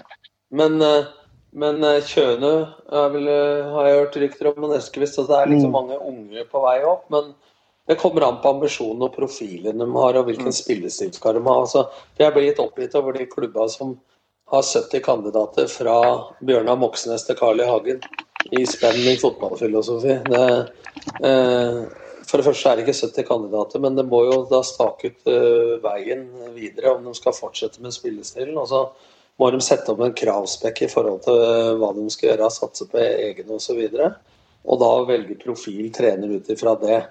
Så, så liksom eh, Det må være grunnlaget. Også, Du har jo vært i Sandefjord du også, Tom? ja, ja. Men altså, det har jeg ikke tenkt et sekund på. Men, eh, men eh, det kommer helt an på hvordan de satser og hva, hva de er ute etter. Men det er jo gode trenere du nevner. altså Kjøne og, og, og Nestelquist har jo nødvendigvis ikke så stor erfaring. Det er vanskelig å få i den alderen de har. Eh, men de er dyktige. Og så har du Isnes som begynner å få noen år eh, på baken. Men uh, de forventes ble jo henta eh, som et skudd fra hofta. Det ja. ingen hadde hørt om eller forventa. Så hvem veit hvordan de tenker. Saken er at du må gi noen sjansen for å ta steg. Uh, Ja, men så, tror kanskje spørs, så, så spørs det da, Håvard. Hvis du reduserer budsjettet, Mm. uh, kanskje skal forandre litt på spillestilen osv., Jeg mener jo at jo, jo dårligere de økonomiske forutsetningene og spillerstallen er, til mer rutinert trenerkapasitet og taktisk kunnskap. Ja, ja, det er jeg helt enig men, jeg, men Det, det, det, begge det kan være riktig, men hva er riktig når? Ja. Mitt poeng her, da. Har du en eh, bedre spillerstall, så ja. Sandefjord har jo virkelig en jobb å gjøre. Hvem vei går de eh, etter Sifuentes-æraen er over? da? Det er vi veldig spennende å se. Men vi satt og sa dette når det gjaldt eh, hvem skal ta over for Fagermo. Alle vi tippa det i bånn, og, Mm. og Ja. eh, inkludert meg. Trodde de skulle være åtte til ti. Og Nordnes har vært assistent i tolv år, Mm. liksom. Og så plutselig har han stått der og takla media enormt bra. Han har eh, Mm. sett treninger hvor han har coacha vært tydelig. Folk sier de har større frihet. Ja, det kan hende de føler seg litt friere De, De har forskjellig lederstil, han og Fagermo. Men uh, de er like strukturert som før, uh, osv. Det, er- det er mange ting som dukker opp når eh, noen forsvinner. Jeg har et spørsmål fra sida, Joakim, til deg eh, fra en lytter. Eh, Astrid eh, Brovina. Du som er eh, tenker du at Sifuentes kunne være en aktuell kandidat for Godset til neste år? Tenker du at Pedersen skal beholde jobben? Um, nå, hvis en sier høye krav til økonomi, så er jo ikke Godset riktig klubb å gå til nå, da. Det er jo nummer én. Uh, men uh, altså, i utgangspunktet så Vi har vært gjennom så mange trenere i Godset nå at jeg, har ikke noe ønske om å bytte trener en gang til. Ikke så hurtig. Eh, Men hvis det det. Hvis det blir Erik. Da spiller det ingen rolle. Da kan han like gjerne prøve å bygge laget opp igjen. eh, Og prøve å vise okay. Obos og få bygge opp laget igjen der. Det er heller om de overlever at de kan gjøre en eh, vurdering. Hvis de rykker ned og han er med videre, da tenker jeg at han kan fint dra det laget opp igjen. Men nei, jeg, jeg er lite fan av å sparke trenere. Jeg, Ja. syns synes det er en dårlig tid. De bør få tid. Han har ikke fått masse tid. Han har tatt over et, uh, han har tatt over et lag i bunnen av Eliteserien. Og ja, vi har ikke kommet mye lenger. Litt dårligere, men det tar tid, da. Du burde vært formann i de klubba jeg har trent. Du. Fy fader, vi får vinne Lotto alle gutta her, så vi kjøper et fotballag. Og så er Joakim formann, Tom er trener. Jeg kan være sånn som skriker på stadion 1-0 til hjemmelaget etter 84 minutter. Det var Martin Olsen. Og er spiker og er pølsebrød. Meran, du selger pølser i bua. Og Håvard, du kan hauke folk sportssjef. Sportssjef, ja. Det blir, det blir kaos, det. Da får, vi, da får, da får jo ikke Tom en dritt å jobbe med. med. Hva sier du, Tom? Videre, jeg føler. Ja. Du, Ja. eh, Håvard. Eh, jeg dytter ordet tilbake til deg, jeg, Håvard, på den. Og det er at eh, når du ser det i etterkant eh, med Kåre Ingebrigtsen, eh, skulle du heller sett gjerne at Sifo Entes kanskje var hentet tidligere til Bergen? Og hvis du kunne, hvis du kunne snudd på femøringen nå og tatt et lite drømmeønske? Det vil jo være å være etterpåklok, selvfølgelig. Eh, men det. dette, det, dette har jeg sagt før. Sifuentes, av kandidater som var i norsk fotball, så var Sifuentes min eh, drømmekandidat til å ta den brannjobben. For å være helt ærlig. Hva er det du Uh, snakker om? Sifuentes var min kandidat til å ta brannjobben, ja. Hva er det du snakker om? Nei, deg, da. Sorry, da. sett, sett, bort ifra, sett bort ifra folk som sitter her i studio, da. Så, eh, så er det ikke noe hemmelighet at eh. Ja, fader, jeg skjønte ikke hvor du ville hen. Nei da. Eh, Sifuentes eh, så jeg på som en god kandidat eh, til å få eh, orden på Brann, men eh, ja. Vi får håpe at Kåre og, Kåre og Eirik Horneland ordner dette her, men det ser stygt ut, så det gjør det. Jeg gruer meg. Jeg håper jo litt på sånn der at serien blir nulla jeg nå, gutter. Som vi har vært litt inne på her. At hele serien blir nulla, nei, nei, og så er nei, det ingen som rykker ned. Det hadde vært fint. Er det Så heller kjør på! da er det hell- Bent Høie Nakstad, steng hele serien. da er det heller ingen som vinner gull, og det hadde vært en eh, tragedie. Og vi kan snakke litt litt nei, nei, nei, vi, vi bare stopper den sånn som det er nå. ja, Ja, bare, ja helt enig. Bare la det ligge sånn. ja, Vi det er Så det rykker de ned og vinner gull og annet. Kan ikke spille fotball Gutta, vi kan ikke spille fotball den tida her. Det går jo ikke. Dere må ta dere en tur på apoteket. Ja, dere te, det er medisiner mot det dere tenker på, så det er greit. Du, Håvard. Brann har en aldrende stall. Jeg har skrevet litt opp på nettverk på Soltvetten. Det ser ikke ut som det har funka de siste to-tre åra. Jeg har to kandidater til deg som kan styrke dette Brannlaget neste år, Håvard. Og de blir ikke billig, de blir ikke, de blir billig, de blir ikke dyre. Hedenstad Rosenborg, kontrakt går ut om to måneder. Og Gjermund Aasen har kontrakt i et halvt år til. Er dette spillere som kunne gått rett inn der? De var jo litt favoritter hos eh, Horneland også, eh, i en lengre periode der.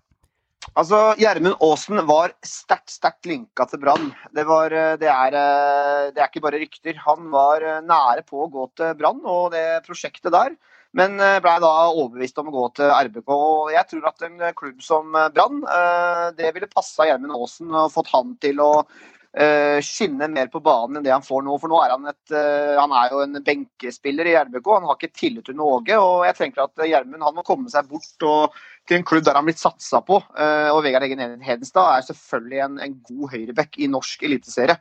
Så jeg ser ikke på det som noen dårlige spillere inn. Men eh, spørsmålet er økonomi her og sånne ting, da. Men begge går rett inn på A-laget til Brann.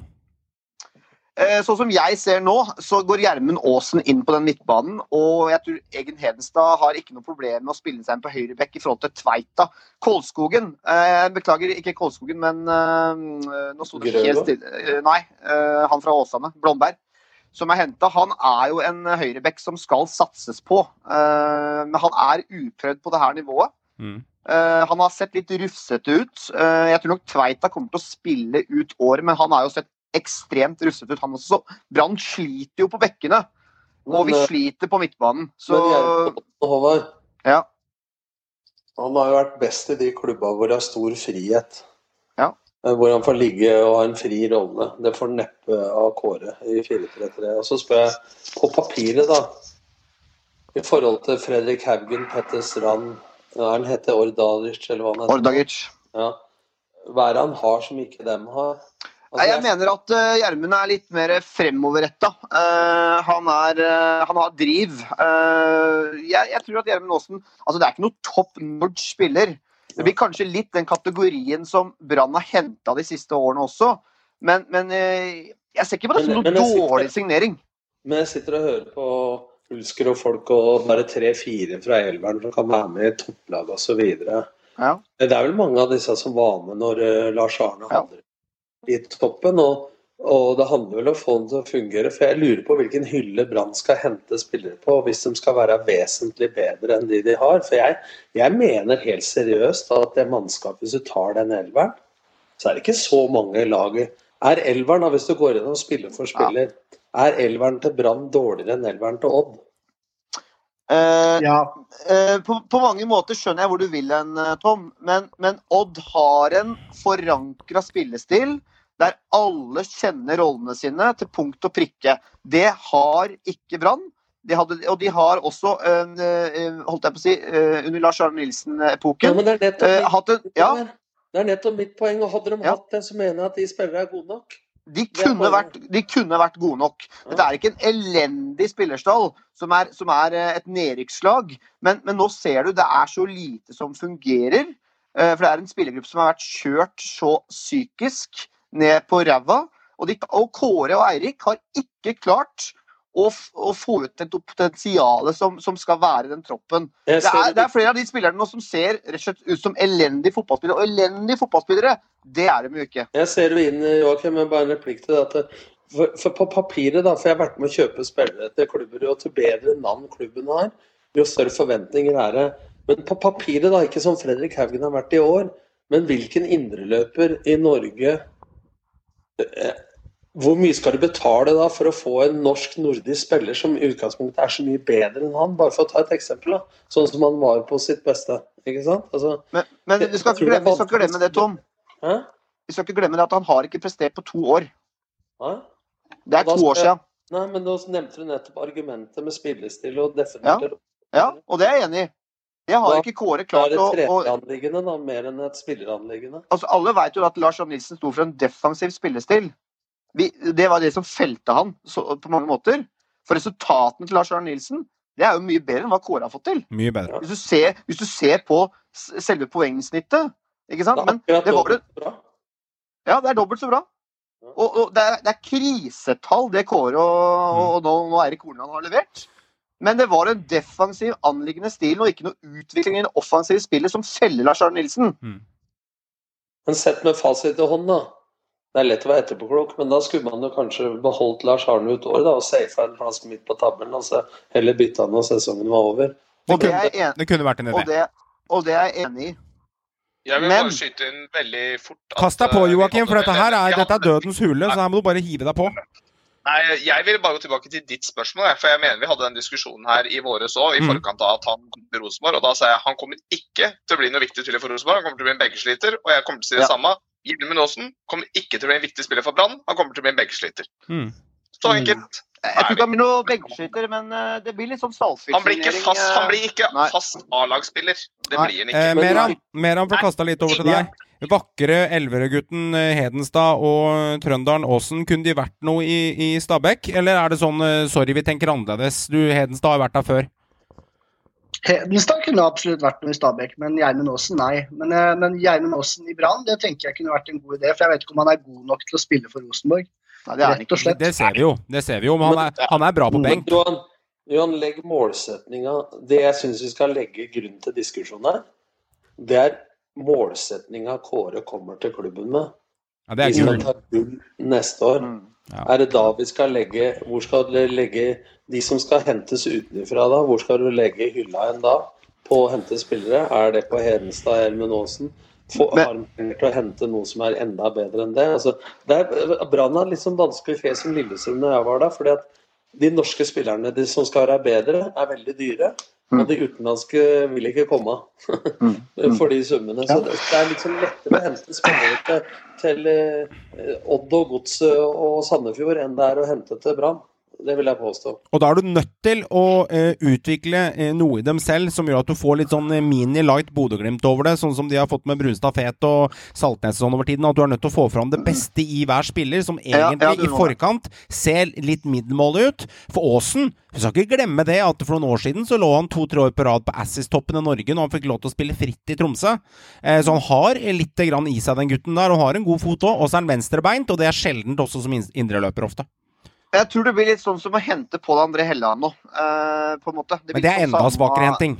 Ja, det blir litt sånn samme. Ja, det er. Det, er- det, er spillere- det, er, er en spiller som har, som har hatt et navn, og som eh, kanskje ikke kommer seg opp på det nivået igjen. Eh, Men Men, men, men, men igjen, de spillerne her vil ikke få problemer med å få seg en klubb. Ikke Men det er noen, det er noen trenere, Håvard, eh, som Fagermo tidligere osv. Eh, så er det spill, Alle prater om fotball er ferskvare, men det er noen spillere som ikke har prestert på et par år. Mm. Og så plutselig får man en trener eh, som har en enda tydeligere spillestil. Ja. Som henter deg fordi at du har de og de rolleferdighetene i den og den rollen. Du skal være venstreving hos oss, for du kan det og det.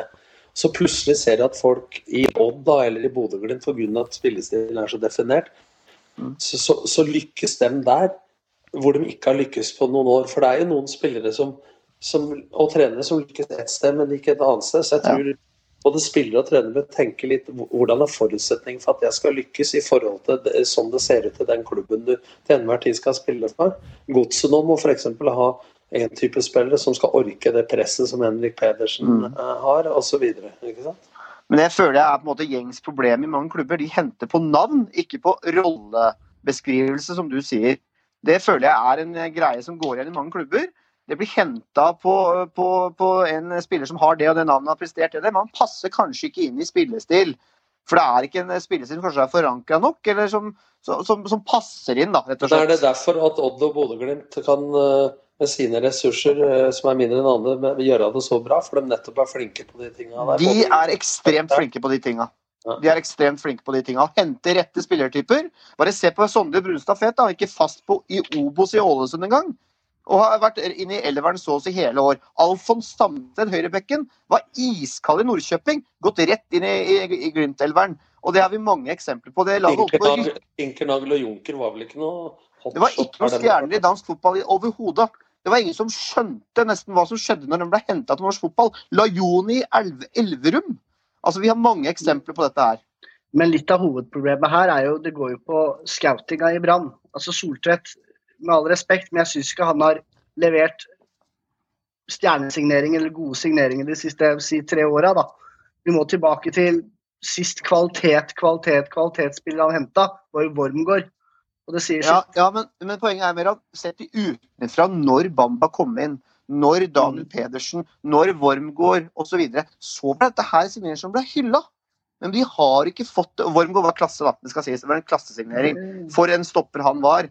Men, men de siste års signeringer de har ikke klart å få dem til å fungere inn i den spillestilen. Det er problemet. De ser jo ut som middelmådigheter, men mange av dem er jo gode fotballspillere.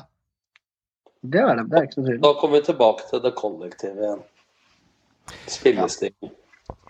Tom, vi har jo eh, diskutert litt grann om å hente spillere tidligere, og eh, du har jo fortalt meg at det- det er fem eh, ting du ser på eh, når man skal hente spillere. Eh, rolleferdighet, eh, fotballkulturell bakgrunn, skadehistorikk, sosial kompetanse, altså hva garderoben trenger. Og så har du tillagt deg to ting i, i nyere tid, sier du. Eh, I hvert fall eh, nevnt meg tidligere. Og det er tar du læring, og er du trenbar? Vil du utdype litt her, så vi kan ta litt om det, det før vi closer temaet på spillere?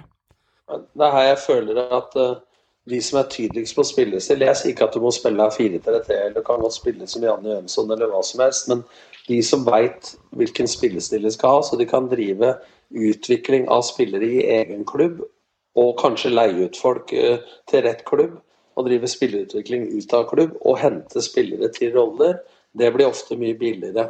Eh, fordi at eh, det første punktet at den passer inn i rollen. Du veit hvorfor du skal ha Laoni til å spille wing i Bodø-Glimt med Loen og henta fra Elverum. Eller Bustad Fett, som du nevnte.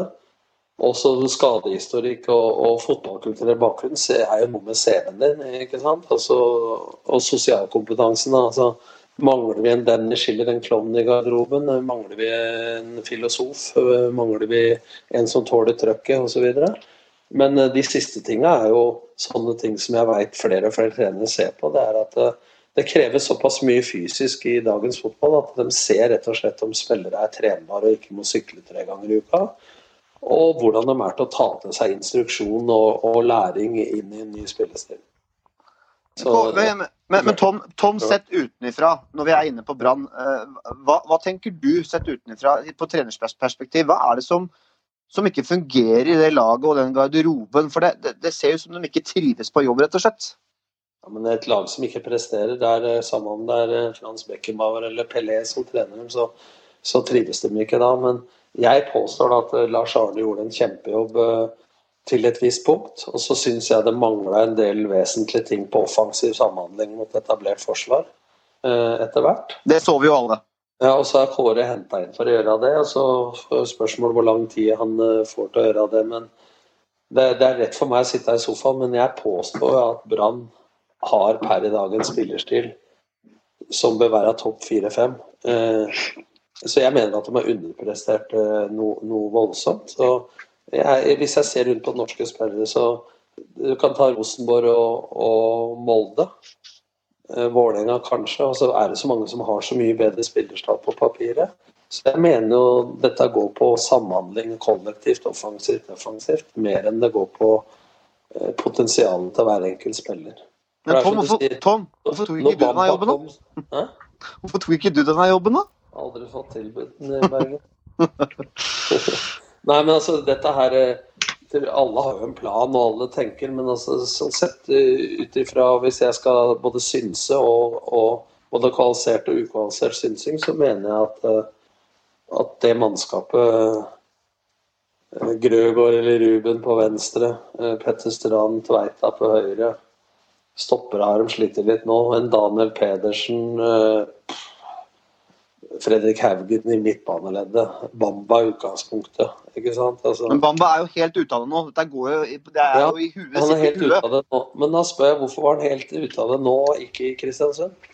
Ja. Hva er det de gjorde i Kristiansund som de ikke gjør i Brann? Der fikk han en eh, mye friere rolle enn han har i Brann. Eh, og han eh, fikk ubegrensa tillit. Ja, men det sa de til meg når Alex Valencia kom fra Brann til Odd, for at han trengte så stor frihet. Han trengte akkurat det motsatte, klare arbeidsoppgaver for å holde seg til. Få, men klare og innafor ei ramme. Altså, det der er eh, 1000 kroners spørsmål. Bamba ser ut som en hodeløs høne nå. Altså, KBK var han giftig. Mm.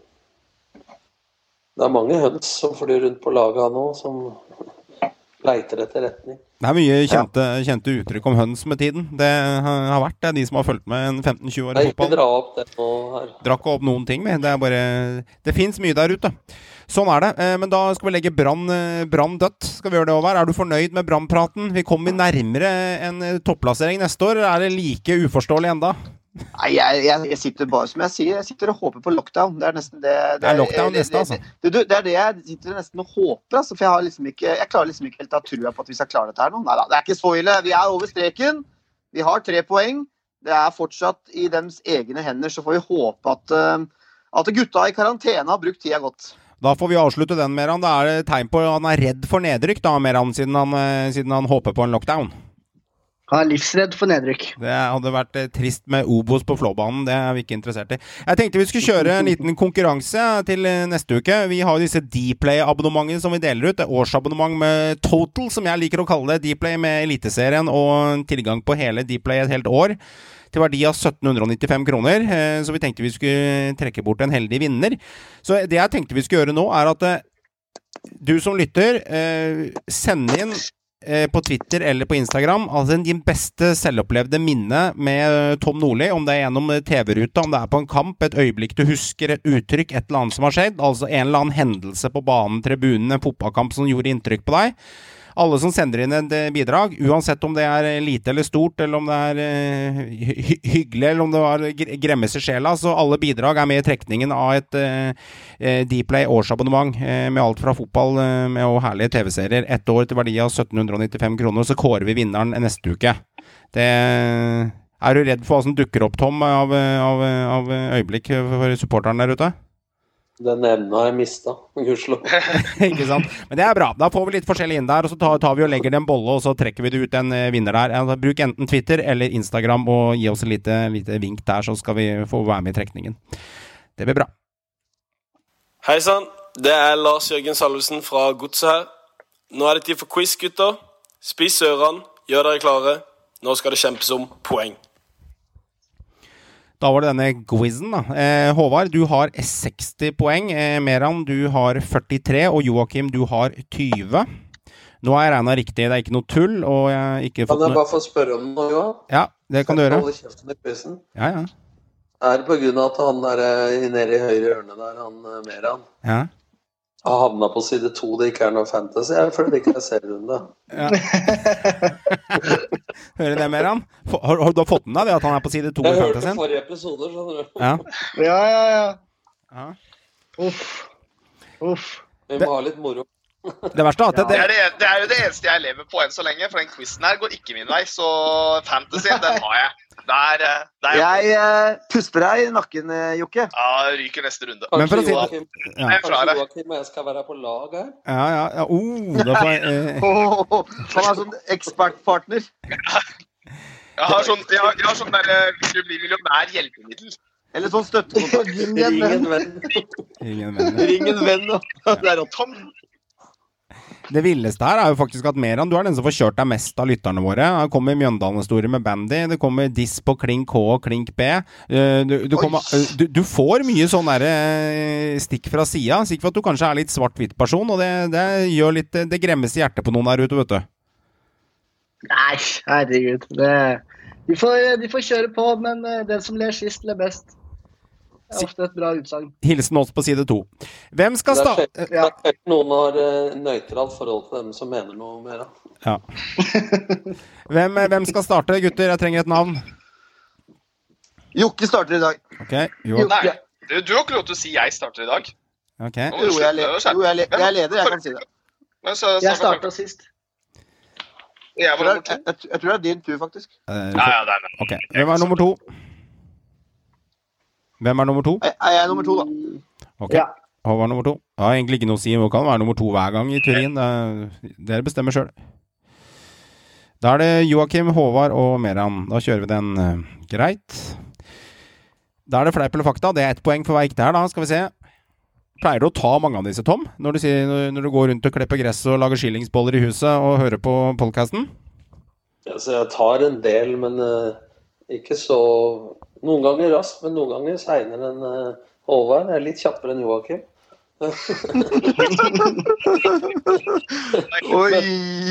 Men, men det er ofte lettere når du, når du liksom Så er all quiz som er på radio, og alt, så er det jo lettere når man ikke er i, i vinden. Men Ja, ja, det er sant. det er jo noen jeg kjenner igjen fordi at jeg har trent en del av disse og sånn, da.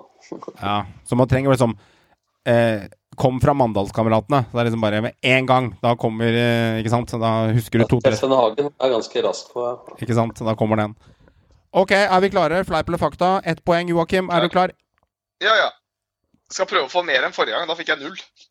Fikk du null, Svar kjapt, da, hvis du ikke du veit det. fikk du null Ja. to totalt på absolutt Nei. alt? Nå må du skjerpe deg. Ikke være sånn jævla besserwisser inne i hjørnet her. Nå skal jeg bruke lang tid bare pga. at du sa det. Jeg skal bruke kjempelang tid på hvert eneste spørsmål. Det gjør du uansett. Ja, ja. Nå skal vi bruke enda lengre tid enn vanlig. Nei, bare kjør på. Frede Dos Santos er leder for den såkalte Stopp-kampanjen eh, mot rasisme som ble satt i gang i oktober. Eh, fakta. Et poeng. Korrekt. Glimt er det laget som skårer flest mål siste 15 minuttene av kampene. Mm, fleip. Det er riktig. Det er Molde som gjør. Det er ikke offside når keeper tar utspark fra fem meter, og ballen havner hos spiller på eget lag direkte, som såkalt står i offside. Hmm. Utspill fra fem meter på keeper, som havner hos spissen, eksempelvis Veton Brescia, som Ja, det er står i offside. dødball, så det er vel fakta. For da, da regnes det som dødball. Det, det betyr at det er, ikke, det, er ikke, det, det er ikke offside. Han kan gå og score rett i kassa på André André Ja, Hansen. for du, du, du kan, kan jo være offside på corner. Jeg er litt usikker, men du kan jo ikke være det, for det er dødball.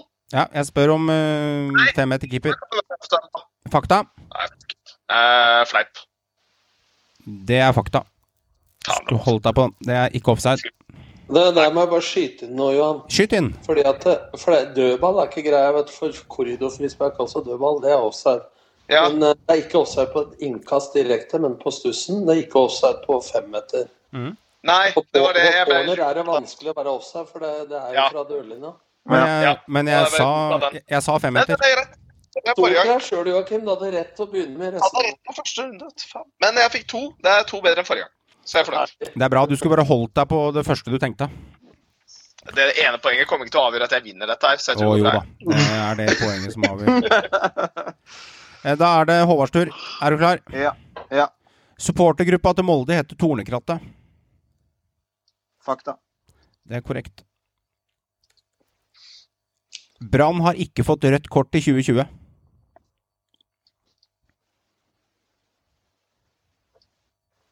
Fikk Brann spørsmål, Håvard? Det er, det det er ja. Det med røde kort, altså. Det er fakta. Det er korrekt.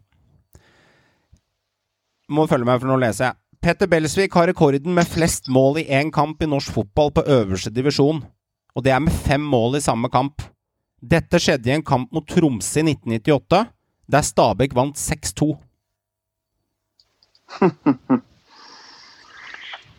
Petter Belsvik. Han skåra mye mål, da. Det er bare gambling. Eh, Jeg sier fakta. Det er fleip. Ja. Rekorden er seks, og det har Iversen og Jan Fugleseth. Han husker ikke, jeg spilte for Molde, men det er før min tid når jeg fulgte med.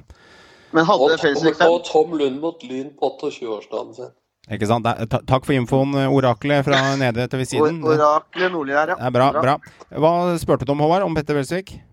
Hadde han fem mål? Var det riktig, det? Nei, den setningen her fant jeg bare på. Jeg vet ikke om de slo eh, eh, Om de, om de vant 6-2 i kampen mot Tromsø engang. jeg. Det er bare Skjønner. sånn. Det er, du, Nei, gikk, jeg tar med meg to. Ta med meg to. du gikk på linpinnen. Det, det var, dette her var Håvard, dette var ukas uh, fa, eh, Dette var ukas Faffa betaler med Lyn, men nå gikk du bare på en litt mer faglig en. Jeg bare satsa på at du kom til å si noe sånn Det er fleip, de vant 6-0. Fy faen. ja, sånn, sånn skikkelig sånn drittspørsmål. Den er sjuk, ass. Eh, Meran, er du klar? Ja, jeg er klar. Ålesund er det laget som har rykket eh, ned flest ganger fra øverste divisjon. Det er fleip. Det er helt riktig. Det er Start med ni. Toppskåreren til Molde heter OI i år. Fakta. Det er fleip. Leke James har ni mål. OI har syv. I 2018 ble Frank Poli for Stabæk toppskårer med 17 mål.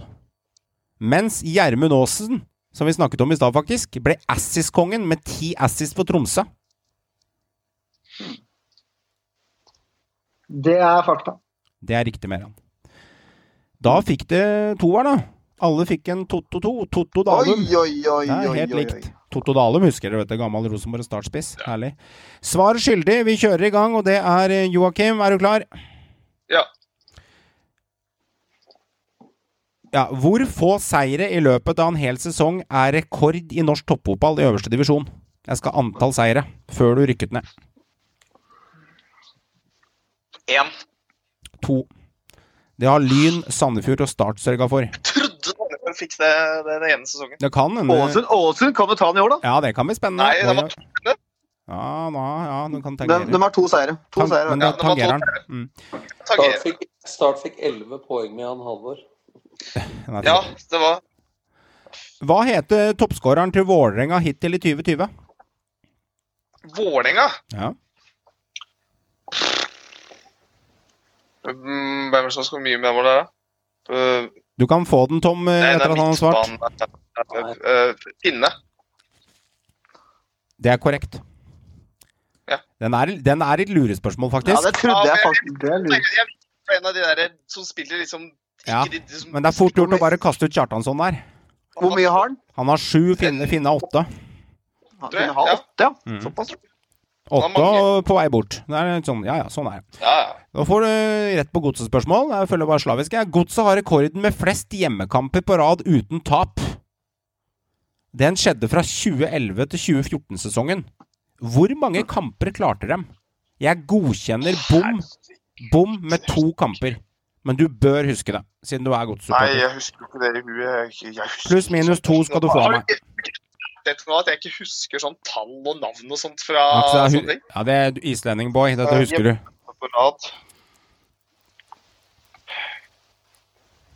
Nei, så ser se hvor de gikk gjennom én sesong, i hvert fall. Fra 2011 til 2014. Et eller annet sted i 2011 så startet de rekorden, og et eller annet i 2014 så ble den brutt. Den ble faktisk brutt mot Molde, det husker jeg. Hvis ikke jeg tar helt feil. Arrester meg gjerne, kjære lytter, men jeg tror det var Molde som tok den, slik at de måtte bryte. Åh, jeg tror det var Åh, det er 47 Svar avgitt. Ja. 46. Bra plukka. Den er oi, godkjent. For jeg mente den var veldig nær å nå 50. Jeg mente at det, det huska jeg. Men Joakim, Joakim Joakim, for det er lett å tenke 15 kamper i året og bare tre sesonger, 11 til 14, men det er fire sesonger. Vet du. Der skal jeg gi deg- der skal jeg gi deg skryt, Joakim. Der imponerte du for er, første gang i quizen. Der viste du at du var fin, jeg. Da, vi, da viste du at du kommer fra akademik, akademikerfamilie. Du resonnerte deg bra fram. Fire poeng, du henger med. Det er håp in the hanging snore for deg. Håvard, er du klar? Jeg er klar. Hvilken dato går siste runde av Eliteserien av stabelen i 2020? 22. desember. 19. desember. Nei, faen. Er du sikker på det? Kvalik to. Ja. Ja, stemmer. Faen, jeg bomma på den. Det er lurespørsmål. Ja. Faen, det er så, jeg, vet, jeg elsker når jeg lurer, ass. Det, det, det er så digg. Eh, Lurer meg. ja, men jeg, liksom, jeg lurer av går inn på noen sånne fellegreier. Elsker jeg, for jeg tegn på at jeg har jobba bra. du lurer, lurer ingen, du. Ja, Du sånn er er det. flink, Johan. Ja, flink gutt, Tom. Eh, keeper Amada i Brann står med ti kamper for Brann i år. Hvor mange selvmål, selvmål har han? Som kategoriseres som selvmål. Har registrert som selvmål på Kilden Alt om fotball. Hmm. Han har stått ti kamper. Hvor mange selvmål har han?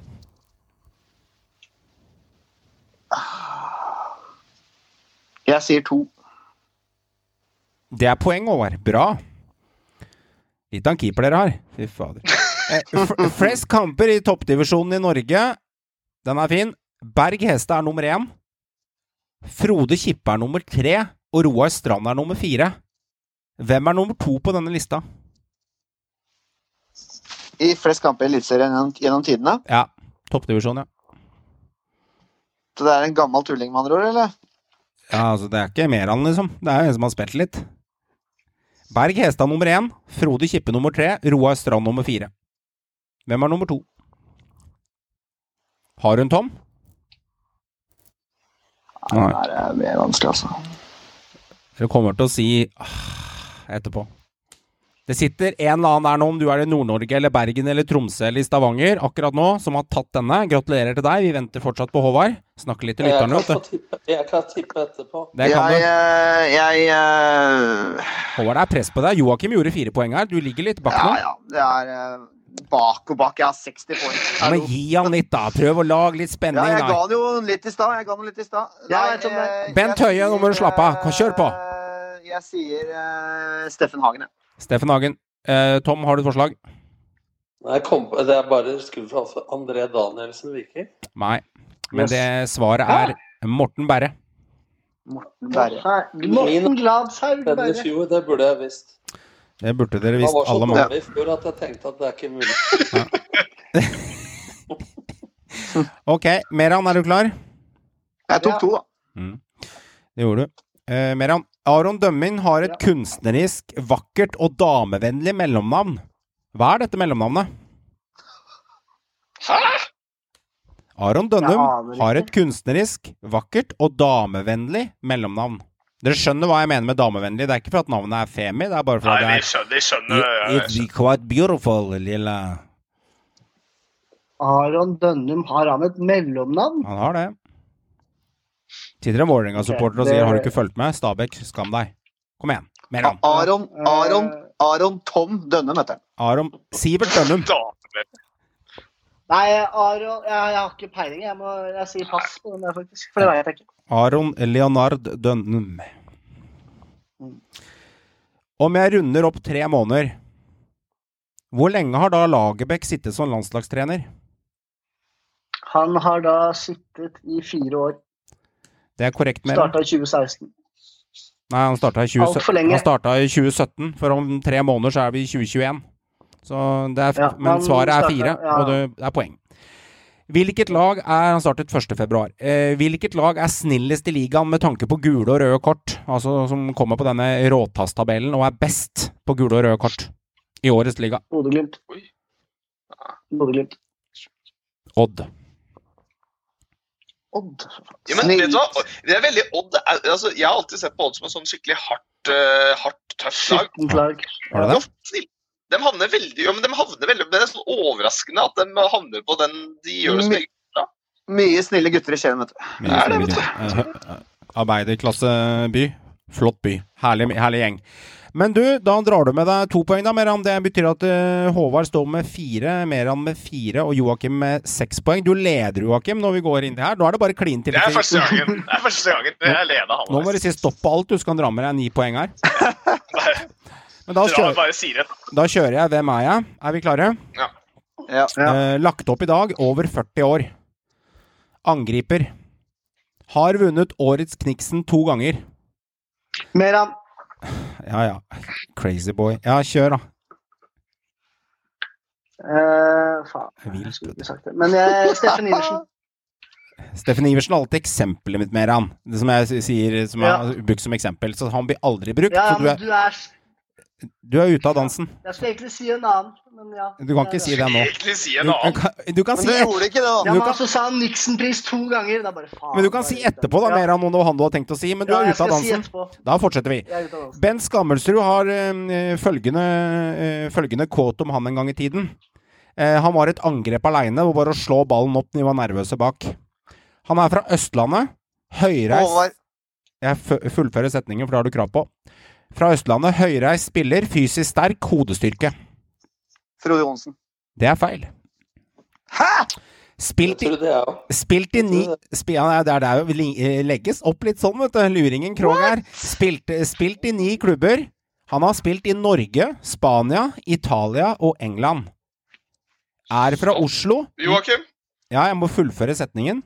Er fra Oslo, nærmere bestemt Lørenskog. Stopp. Å ja. Ja. Ja, vær så god. Det er korrekt. Nei, da var jeg sikker på det var Frode, altså. Oi, oi, oi. Ja, det trodde jeg Så deilig. Joakim, du ruler nå. Ja, du er kongen, Joakim. Ja, men Jeg heier alle på Joakim. Ja, er- Alle lytterne sitter nå med flagg land og strand rundt og heier på deg. Og hvem, og hvem var læreren til karet på videregående? Det var deg, det. Er det det, Tom? Åssen var han i klasserommet, Tom? Han, han fikk, jeg må ta den historien, for han fikk spørsmål om hvorfor han gikk på idrettslinja. Han valgte tegning, form og fare, for han kunne jo knapt tegne helgen. Han. han svarte det var mye finere damer der. Ja, jeg vet. Jeg vet. Bare fordi at jeg mener å huske fordi at han, Det var jo på den perioden jeg, jeg, jeg tror kanskje du tok feil med antall ganger han vant. For jeg tror han vant tre. Ja, ja, jeg mener jeg har googla til to, men eh, gjerne. Finner du tre? For jeg tror jeg mener at, Nei, men jeg bare mener at han kunne vinne Han vant han, Jon Arne Riise var imellom han et eller annet sted. Ok. Men eh, jeg brukte, jeg brukte Wikipedia, og jeg brukte ikke mellom i slåsskampen. Men, Men, så fin, men så fins det forskjellige Kniksen-priser. Da kan det bli årets angriper og årets spiller. ja, det kan, ja.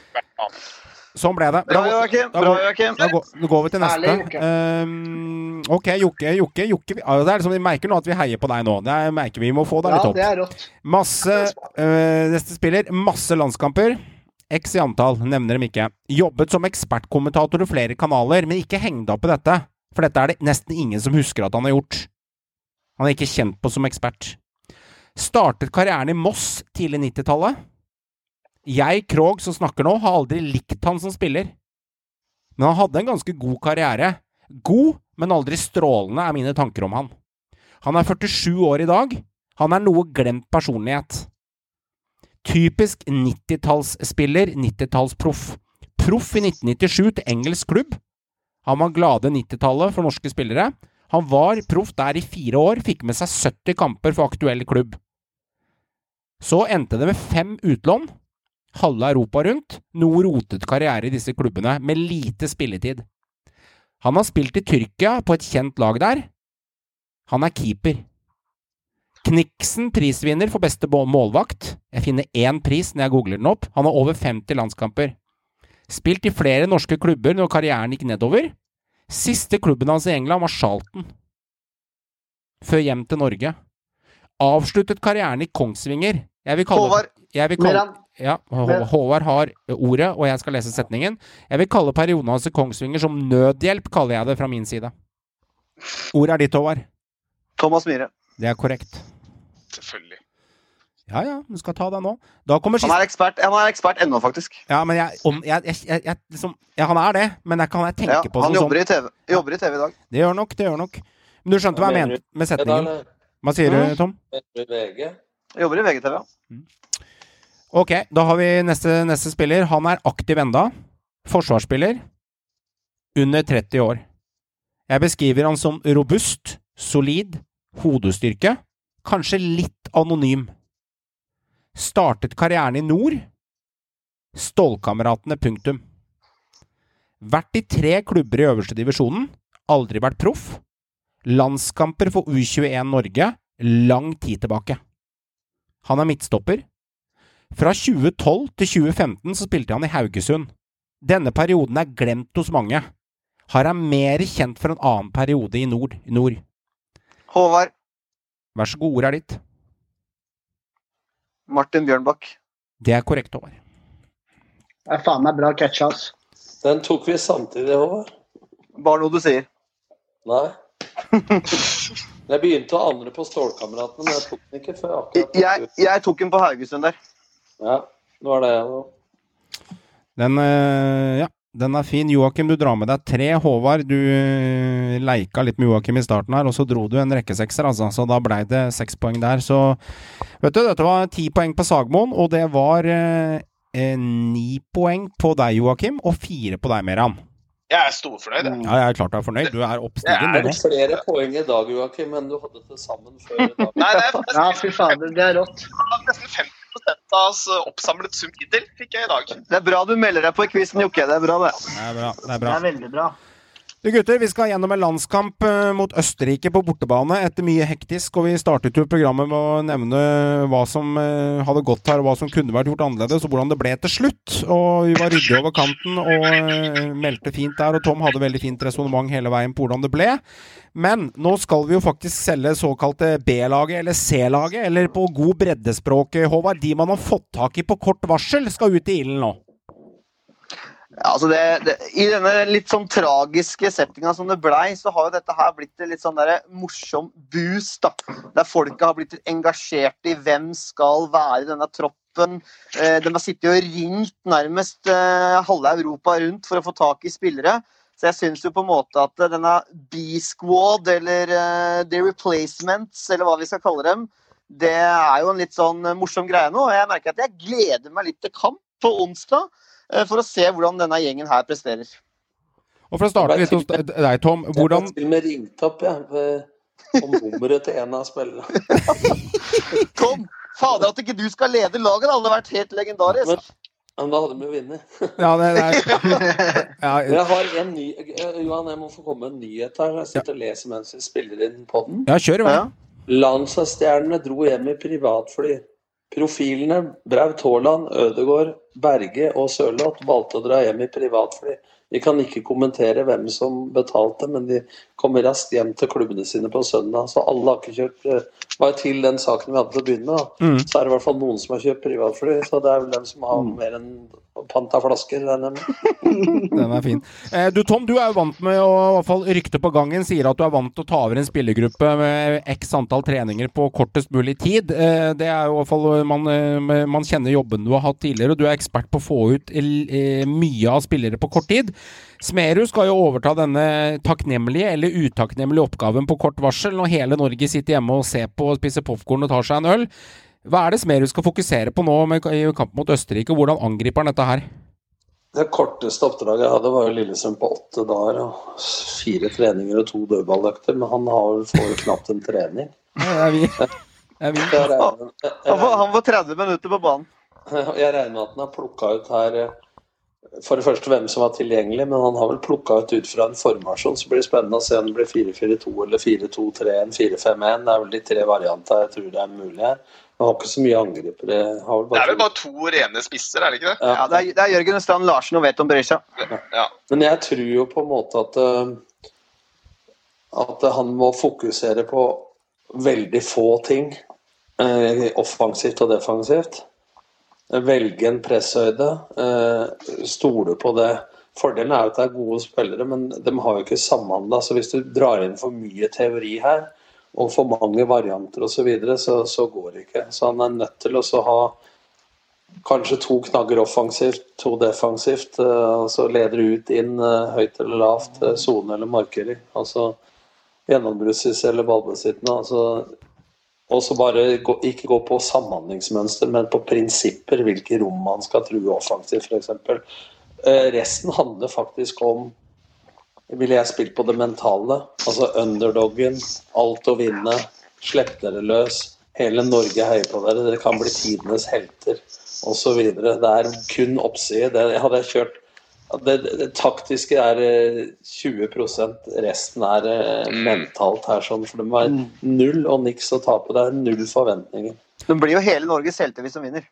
Ja, ja. Et spørsmål der, og det er Hvilket ord er det man bruker der eh, i, i garderoben eller dagen før eller spillemøte før, spillerne går på banen der? Hvordan, hvordan angriper man det? For du sier at det handler veldig mye om de tingene mentalt òg? Ikke prikk, prikk høns, i hvert fall.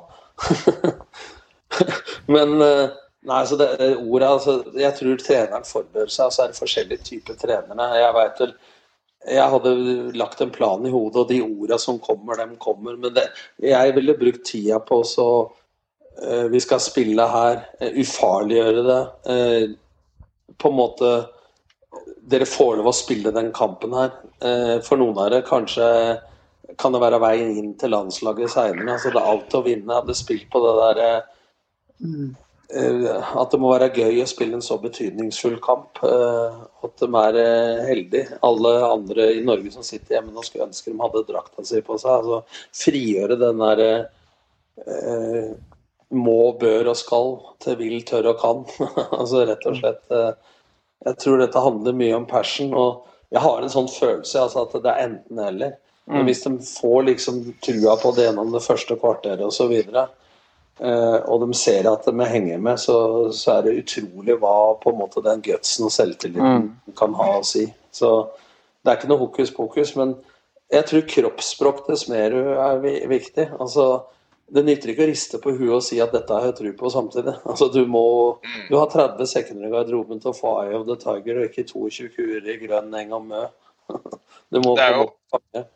Det er jo 'make it uh, simple stupid' som er hele tankegangen her. da. Altså må gjøre det så lett som mulig. Men den midtbanen der, den er jeg faktisk litt uh, altså Det er for mye her kan skje på midtbanen, og den midtbanen den er jo faktisk ikke Den er ikke svak, syns jeg. Altså, hvis, hvis vi skal ta ut en elver, da, hva blir det? Kjør vei. Jeg, eh, jeg har Jeg mener jo Jeg har elveren min i huet, jeg, da. Så kan du se, Mm. dere si om dere er enige etterpå. Men jeg har en elver, i hvert fall. Som jeg har, har, tenkt, har tenkt. Bare husk Myggen når du går hjem nå. Ja. Jeg, eh, jeg ville kjørt uh, av Anders Kristiansen og Bråtveit, så ville jeg stått med Bråtveit. Som er de to keeperne i troppen. Og så ville jeg spilt, som Tom sier, en 4-2-3-1 eller en 4-5-1. Uh, på høyre bekk så ville jeg gått for eh, Andreas Vindheim, som uh, spiller fast på et bra Sparta Praha-lag og er også i Europa League. Den gamle Brannbekken, for de som husker han. Han har også vært god i Malmö over lang tid og er i Sparta Praha nå. Og så ville jeg kjørt Andreas Hanke Olsen og Ruben Gabrielsen, som jeg mener er et stoppepar som ikke er noe dårligere egentlig nesten enn den som spiller der i dag, som er faste. Gabrielsen og Hanke, det er et bra stoppepar. Og så ville jeg kjørt Julian Ryerson på venstre bekk fra Union Berlin. Og, og femmeren på midten, da ville jeg kjørt uh, Evjen som uh, en kantspiller. Jeg ville kjørt uh, Mats Møller Dæhlie på motsatt kant. Og så ville jeg hatt Sondre Tronstad og, eh, og Ulvestad. Og så ville jeg hatt Sahid i en litt mer offensiv midtbanerolle. Og så ville jeg spilt med Jørgen Sand Larsen på topp. Hvem var kanter, sa du? Dæhlie og Evjen ville jeg kjørt. Jeg, jeg er ganske enig med med Lars Skjelvik på venstre. Ja, jeg tenkte også på Ja. Skjelvik, fordi han har rutine. Han har rutine. Det er det ikke mange som har jeg tror Men, men det skal sies at Ryerson gjør seg ikke bort i Bundesliga. Han får innhopp for Union Berlin. Eh, og han har gjort det bra på U21-landslaget over lang tid. Skjelvik har ikke jeg sett på lenge. Uh, han har nok gått litt ned i kvalitet, naturlig nok. Ja, kjapt. Spiller i, spiller, spiller i Danmark nå. Han, gjør, gjør seg han, altså, han er jo på et godt nivå, liksom. Ingen av disse spillerne i troppen er noe, det er ikke noen sjettedivisjonsspillere vi snakker om her. Det er gode spillere som Ja. ikke er så langt unna nivået til mange av de andre som er i troppen. Så, så uh, kan men, eh, jeg, da. Altså, en, en Skjelvik, så hvis han får lov til å altså, få litt spillere med litt rutiner, et par mer Ja, ja. år bak beina inn i starten, han tror jeg kan være smart når det begynner. Og hvis det begynner å røyne Ja. litt på, da, du får ikke mål imot, Ja, det. Han har jo sju landskamper det, òg. det er den venstrebekken jeg var mest usikker på. Det var Ja. Eller Hva med Men sentral midtbane? Hvordan vurderer Askildsen opp mot Ulvestad? Sondre Mm, Tronstad må spille, mener jeg. Sondre Tronstad han er bankers i mitt hue. Han, han spiller, har spilt seg fast inn på Vitesse, som er en av topplagene i Nederland. Han har gjort det bra i Nederland. Ja, det er. Eh, eh, når det gjelder Ulvestad, så han, han er han regna som å være blant de beste spillerne i svensk fotball. Han har skåra elleve mål som midtbanespiller. Han er i kalasform på et Djurgården-lag som riktignok ikke er så gode, men han som spiller er i kjempeform. Men det eneste jeg er litt redd for Håvard, når det gjelder Ulvestad, er at eh, svensk fotball det er, Han sier det sjøl, og det er ekstremt mye på tvers og bakover. Jeg er Ja. litt spent på den fremoverretta. For du har jo Hvem er jeg nevnte? Du har, Askelsen. Askildsen. Askildsen. Ja, men du har også Christian Torstvedt. Du har det. Men han, er i, han er, i- har ikke spilt mye fotball, Tom, på lang tid. Han eh, har vært slitt mye med skader og sånn. Så jeg, jeg ville valgt spillere som, som spiller mye, og som er i, i, i såkalt form. Da. Men, så- men så Evje er tynne på kantene, men, men Evjen, slipp seg løs. Kjør på. Og der de har rutine og, og er en smart spiller. Hvem hadde du som spiss Jørgen Strand Larsen. foran Berisha? Men hva med Jeppe ja, Hauge, da? Jeppe Hauge er ikke i troppen. Da? Han er ikke troppen. Han får ikke være med. Aldri i livet om, eh, aldri livet om eh, Håvard putter inn Berisha som eh, spissen Nei, sin. nei, i men, men altså, jeg mener at Jørgen Strand Larsen Ja. Uansett så er han et bedre valg. Han, han har gjort det bra i nederlandsk fotball nå. Han, Ja, men Berisha er bikkje, da. Han løper jo på alt. Jeg Ja, føler Jørgen han Strand Larsen er litt mer luksus. Han vil jeg heller sette inn, uh, Berisha, uh, som kan møre og rive og slite på topp der. Mm. Jeg, altså, jeg hadde valgt omvendt, men jeg tror Smerud kan fort velge Strand Larsen. Han kjenner han fra U21. Men, Ja. eh, Det er ikke så mange alternativer. Men, men Strand Larsen han har tatt steget ned. Altså, han har spilt seg på, har spilt seg inn fast på Groningen. Mm. Og, og skåret uh, flere mål og, og levert gode kamper, så han, han er jo eh, i form. Jeg hadde valgt motsatt. Jeg hadde valgt er- Berisha. Kjørt forsvaret i 60 minutter på løping og styrke og duellering og kriga, løpa duellera, Horneland-style. Og så hadde jeg etterpå kjørt inn Strand Larsen siste halvtime for å pirke inn den finesseskåringa. Det hadde, det hadde jeg gjort òg, men altså, det, er, laget her. Altså for meg så er det en sentral midtbane som er spørsmålstegnet mer kanskje en spiss.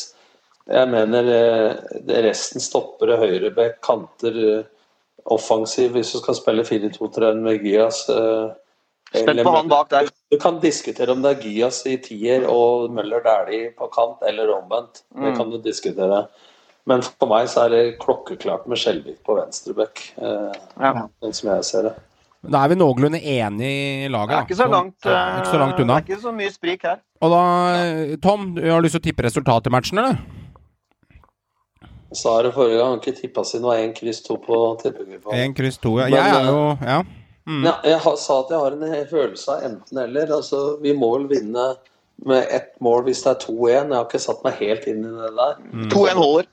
Ja, 2-1 holder, men holder ikke med 1-0, da, regner jeg med. Nei, Nei. Men hva med 3-2? Nei. det holder også. Ja, 4-3 osv. Men, eh, men eh, og det Hvis får vi ikke ikke får strengere straff av Uefa, da. Ja, Ja, for, ja, for de vet jo ikke heller hva som skjer eh, med resultatet i Romania-kampen. Hva det blir Nei. satt. Så det må jo bare spilles som at uh, de må vinne 2-1 uh, eller mer. Mm. Uh, jeg, at tror, det- jeg tror faktisk det er altså, Rekdal er jo sånn tallmann.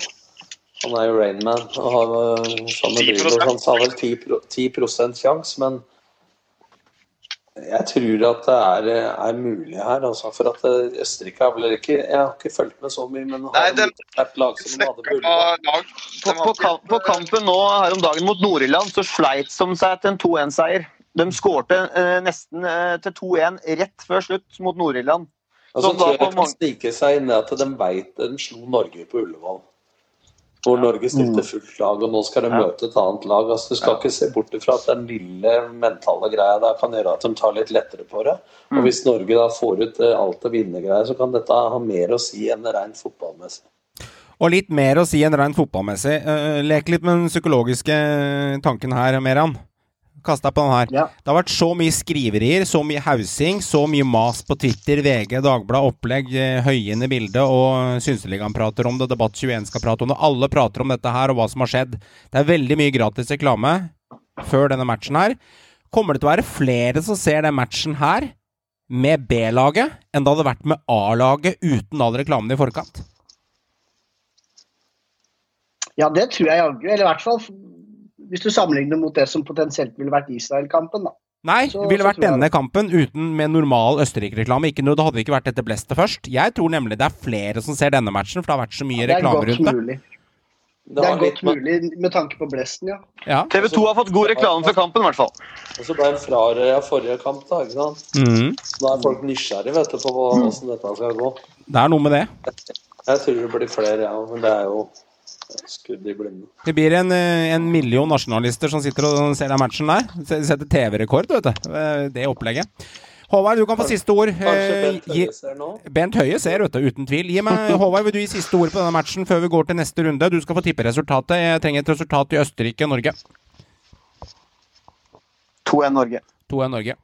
Neste rundespådom, gutter. Eh, Meran, du har fått noen kamper foran deg. Det har også eh, Håvard Joakim fått. Og eh, Krog har fått noen matcher, og vi skal spå neste eliteserierunde. Nå runder vi rundt en to timers eh, spilletid, så vi prøver å eh, sørge for at lytteren også får tid til å høre på andre podder. Hyggelig at du hører på oss, men vi skal prøve ikke å kortfatte oss med to og en halv, tre timers pod, så derfor så kjører vi gjennom denne. Meran, du får Stabæk-Molde til helgen. Eh, Dine tanker om den? Jeg vil gjerne ha resultat, og litt tanker rundt matchen. Uff, tøff kamp. Eh, ser vi på statistikk siste åra, så, så tror jeg Molde tar en knepen 1-2-seier borte på Nadderud. Dessverre. Ok. Du kan følge opp med Ålesund-Enga. Klink B, 3-1 Vålerenga. 1-3 der, ja. Mm. Ja, Håvard, du ser matchene dine foran deg, eller skal jeg lese dem for deg for deg? Ta det, du. Du har eh, Odd Start. 2-0 Odd. 2-0 Odd, ja. Ikke, du har ikke tenkt å legge en liten føler på en scoring til start der, altså? For, nei. Nei, 2-0 til Odderne. Så får du en litt vrien kamp. Den syns jeg kanskje er en av rundens mest vriene, mest vriene og det er Sarpsborg Viking. 1-1. 1-1. Ja. Da kan jo Krog kjøre Haugesund-Sandefjord. Eh, Haugesund-Sandefjord. Eh, ja, jeg tror det blir en halvkjip match sjøl, så jeg tipper 1-1. Og så kjører vi Kristiansund-Mjøndalen. Der tror jeg de får eh, Der tror jeg Pellegrino kommer til å herje, og jeg tror det blir Jeg tror ikke de klarer å stoppe det, så jeg tror det blir eh, 4-1. Mjøndalen får en cornerskåring. Det er Hva sa du, Meran? Det er vel en klink K, det. Det er det. Eh, Godset Bodø-Glimt, eh, Joakim. Du får ditt eget lag. Den kampen. Det syns jeg var kjempehyggelig. Ja. Jeg er liksom dratt, eh, veldig dratt her. Mm. Hva drar du?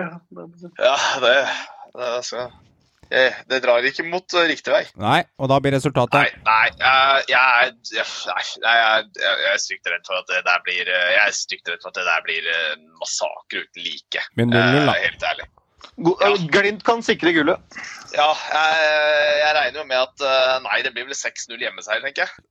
ja. Du tipper jo ikke det, hva tipper du, da? eh, Nei, nei. eh, jeg, jeg, jeg tror Godset putter et mål, eh, men jeg, må, jeg, må, jeg, kan, jeg kan ikke være så useless at jeg satser på Ålesund-tallet her, så jeg får tippe 1-4. Er det her, er det her, skrellen, er det her skrellen kommer? Ja. Det er jo det jeg, har jo Jeg skulle gjerne bare sagt det nå med en gang, og så stått for det, men jeg vil jo få disse poengene her òg. Det, det skal mye til, altså. Jeg tror det, Skal du spille med hjertet og kjøre skrell som Tom kjører, eller skal du kjøre 1-4 og er eh, går boring? Nei, go boring. Nei, nei men det, ok, fuck it. Jeg, det går fint. Nei, jeg sier Godset vinner 3-2. Godset vinner 3-2. Da kjører vi Ja, det. jeg Spennende. det. Jeg sier Godset vinner 3-2. Og eh, hva vinner Rosenborg over Brann, da? I neste match? Nei, Hva vinner Rosenborg og Brann? For å si det på en annen måte, Håvard. Det var en fin måte å vinkle det inn på. Hva vinner Rosenborg over Brann? Ja. Ja. Jeg tror den kampen ender eh, 1-1. 1-1, ja. Jeg vil si hva de vinner, eh, Johan. Da har jeg lyst til å svare kake. Du vinner kake. Kake og klapp på Hvor skuldra. mye er noe annet. Ja, hvor mye er noe annet. Eh, du, eh, Tom. Jeg syns at eh, Jeg syns at når jeg leste i stad John Carew, Thomas Myhre og Martin Bjørnbakk, så har jeg ikke fått ut den eh, en lille episoden jeg har hørt om uh, John Carew tidligere. Med en, eh, du har hatt han bl.a. Uh, i ung alder der, uh, på skolen bl.a., og du kjenner jo til, eh, kjenner jo til den voksne, vakre John Carew. Men det er en eller annen en, Jeg vil at du skal avslutte episoden i dag, Tom. med Den bilhistorien eh, med John Carew. Det er en gammel bilhistorie. En eh, ganske koselig, fin historie. Der hvor du avslutter ofte med å si det sier veldig mye om John også. Husker du den historien? Nei, nå er jeg ikke helt med hvor du vil. Nei, Det er en bilhistorie. Man skulle kjøpe seg en ny bil, og så var det noen greier med eh, John Ah. Carew. Ja, jeg syns den historien sier så mye om, eh, om Carew sjøl. Syns jeg vi skal avslutte den i dag, før vi setter strekk. Så ordet er ditt. Jeg var litt sånn eh, fadder og lærer for han, og han var jo på vei til Lillestrøm. Og så blei han eh, låst inne holdt jeg på å si, av Spetalen og Nordbekken fem på tolv sammen med mora Bjørg før midnatt. Og sagt at eh, han fikk så og så mye penger eh, og en bil hvis han skrev under for Enga isteden. Og det gjorde han, da. Og så kom han kjørende til meg, mora mora kjørte vel altså på Fjellhamar. Eh, og ringte på og sa jeg har fått meg en ny bil. Og så Det var en Ford Mondeo stasjonsvogn, tror jeg det var. Og så sier jeg hvorfor tok du ikke en sportsbil? Så sier han at eh, nei, for da kan alle dra sammen eh, i samme bilen på vei til hytta. Der har du John. Han er en uh, omsorgsfull og en av de snilleste fyra jeg veit om. Selv om han kom bort til meg 15 år gammel på Rolls-Royce og sa han skulle spille på laget, og jeg sa det er litt tidlig, så sa han treneren min er bedre enn deg, så så gikk han hadde skåret 115 mål på guttelaget. Men det sier litt til John som type også. Han har omkjær øh, kjærlighet for venner og familie. Ja, helt klart, og han eh, har greid seg bra. Sist jeg så var at han hadde kjøpt en leilighet på Aker Brygge for 21 millioner og solgt den før han flyttet inn for 29, så bilen går nok bra fortsatt. Det gjør nok det. Mondeon er vraka, ny leilighet er der, for å si det sånn. ja, jeg tror det. Ja, herlig. Herlig, herlig. Tusen takk, Tom, for at du stilte opp uh, igjen i podkasten Synseligaen. Jo, bare hyggelig. Så kjære lytter, send gjerne inn en episode av Tom eh, Nordli som du, som du har på hjernehinnen, som du har opplevd selv. Og da ender det med at du kan vinne et eh, gavekort på Dplay, totalt til verdi av 1795 kroner. Vi kårer vinneren neste uke. Send inn på Twitter og Instagram. Vi takker Eurosport for bruk av lydklipp i denne episoden. Gå inn på Dplay for å se hvordan du får tilgang til hele Eliteserien 2020 du er, der du er. Se kampen, da! Østerrike-Norge. Håvards tips 1-2. 800 til 1 million seere. Tusen takk, hjertelig takk for at du lytter til Synsligaen. Vi har en glimrende uke. Hei så lenge. Så er det Håkon Evjen som bøyer den i vinkelen! Etter over 100 minutter! Han kommer til å bli større enn Jesus på Sørlandet etter dette! Det er faen meg Folk pisser eller folk er likegyldige. Det er det verste som skjer med en fotballklubb. Det er faen meg undergangen, det. Og det er han som omtrent aldri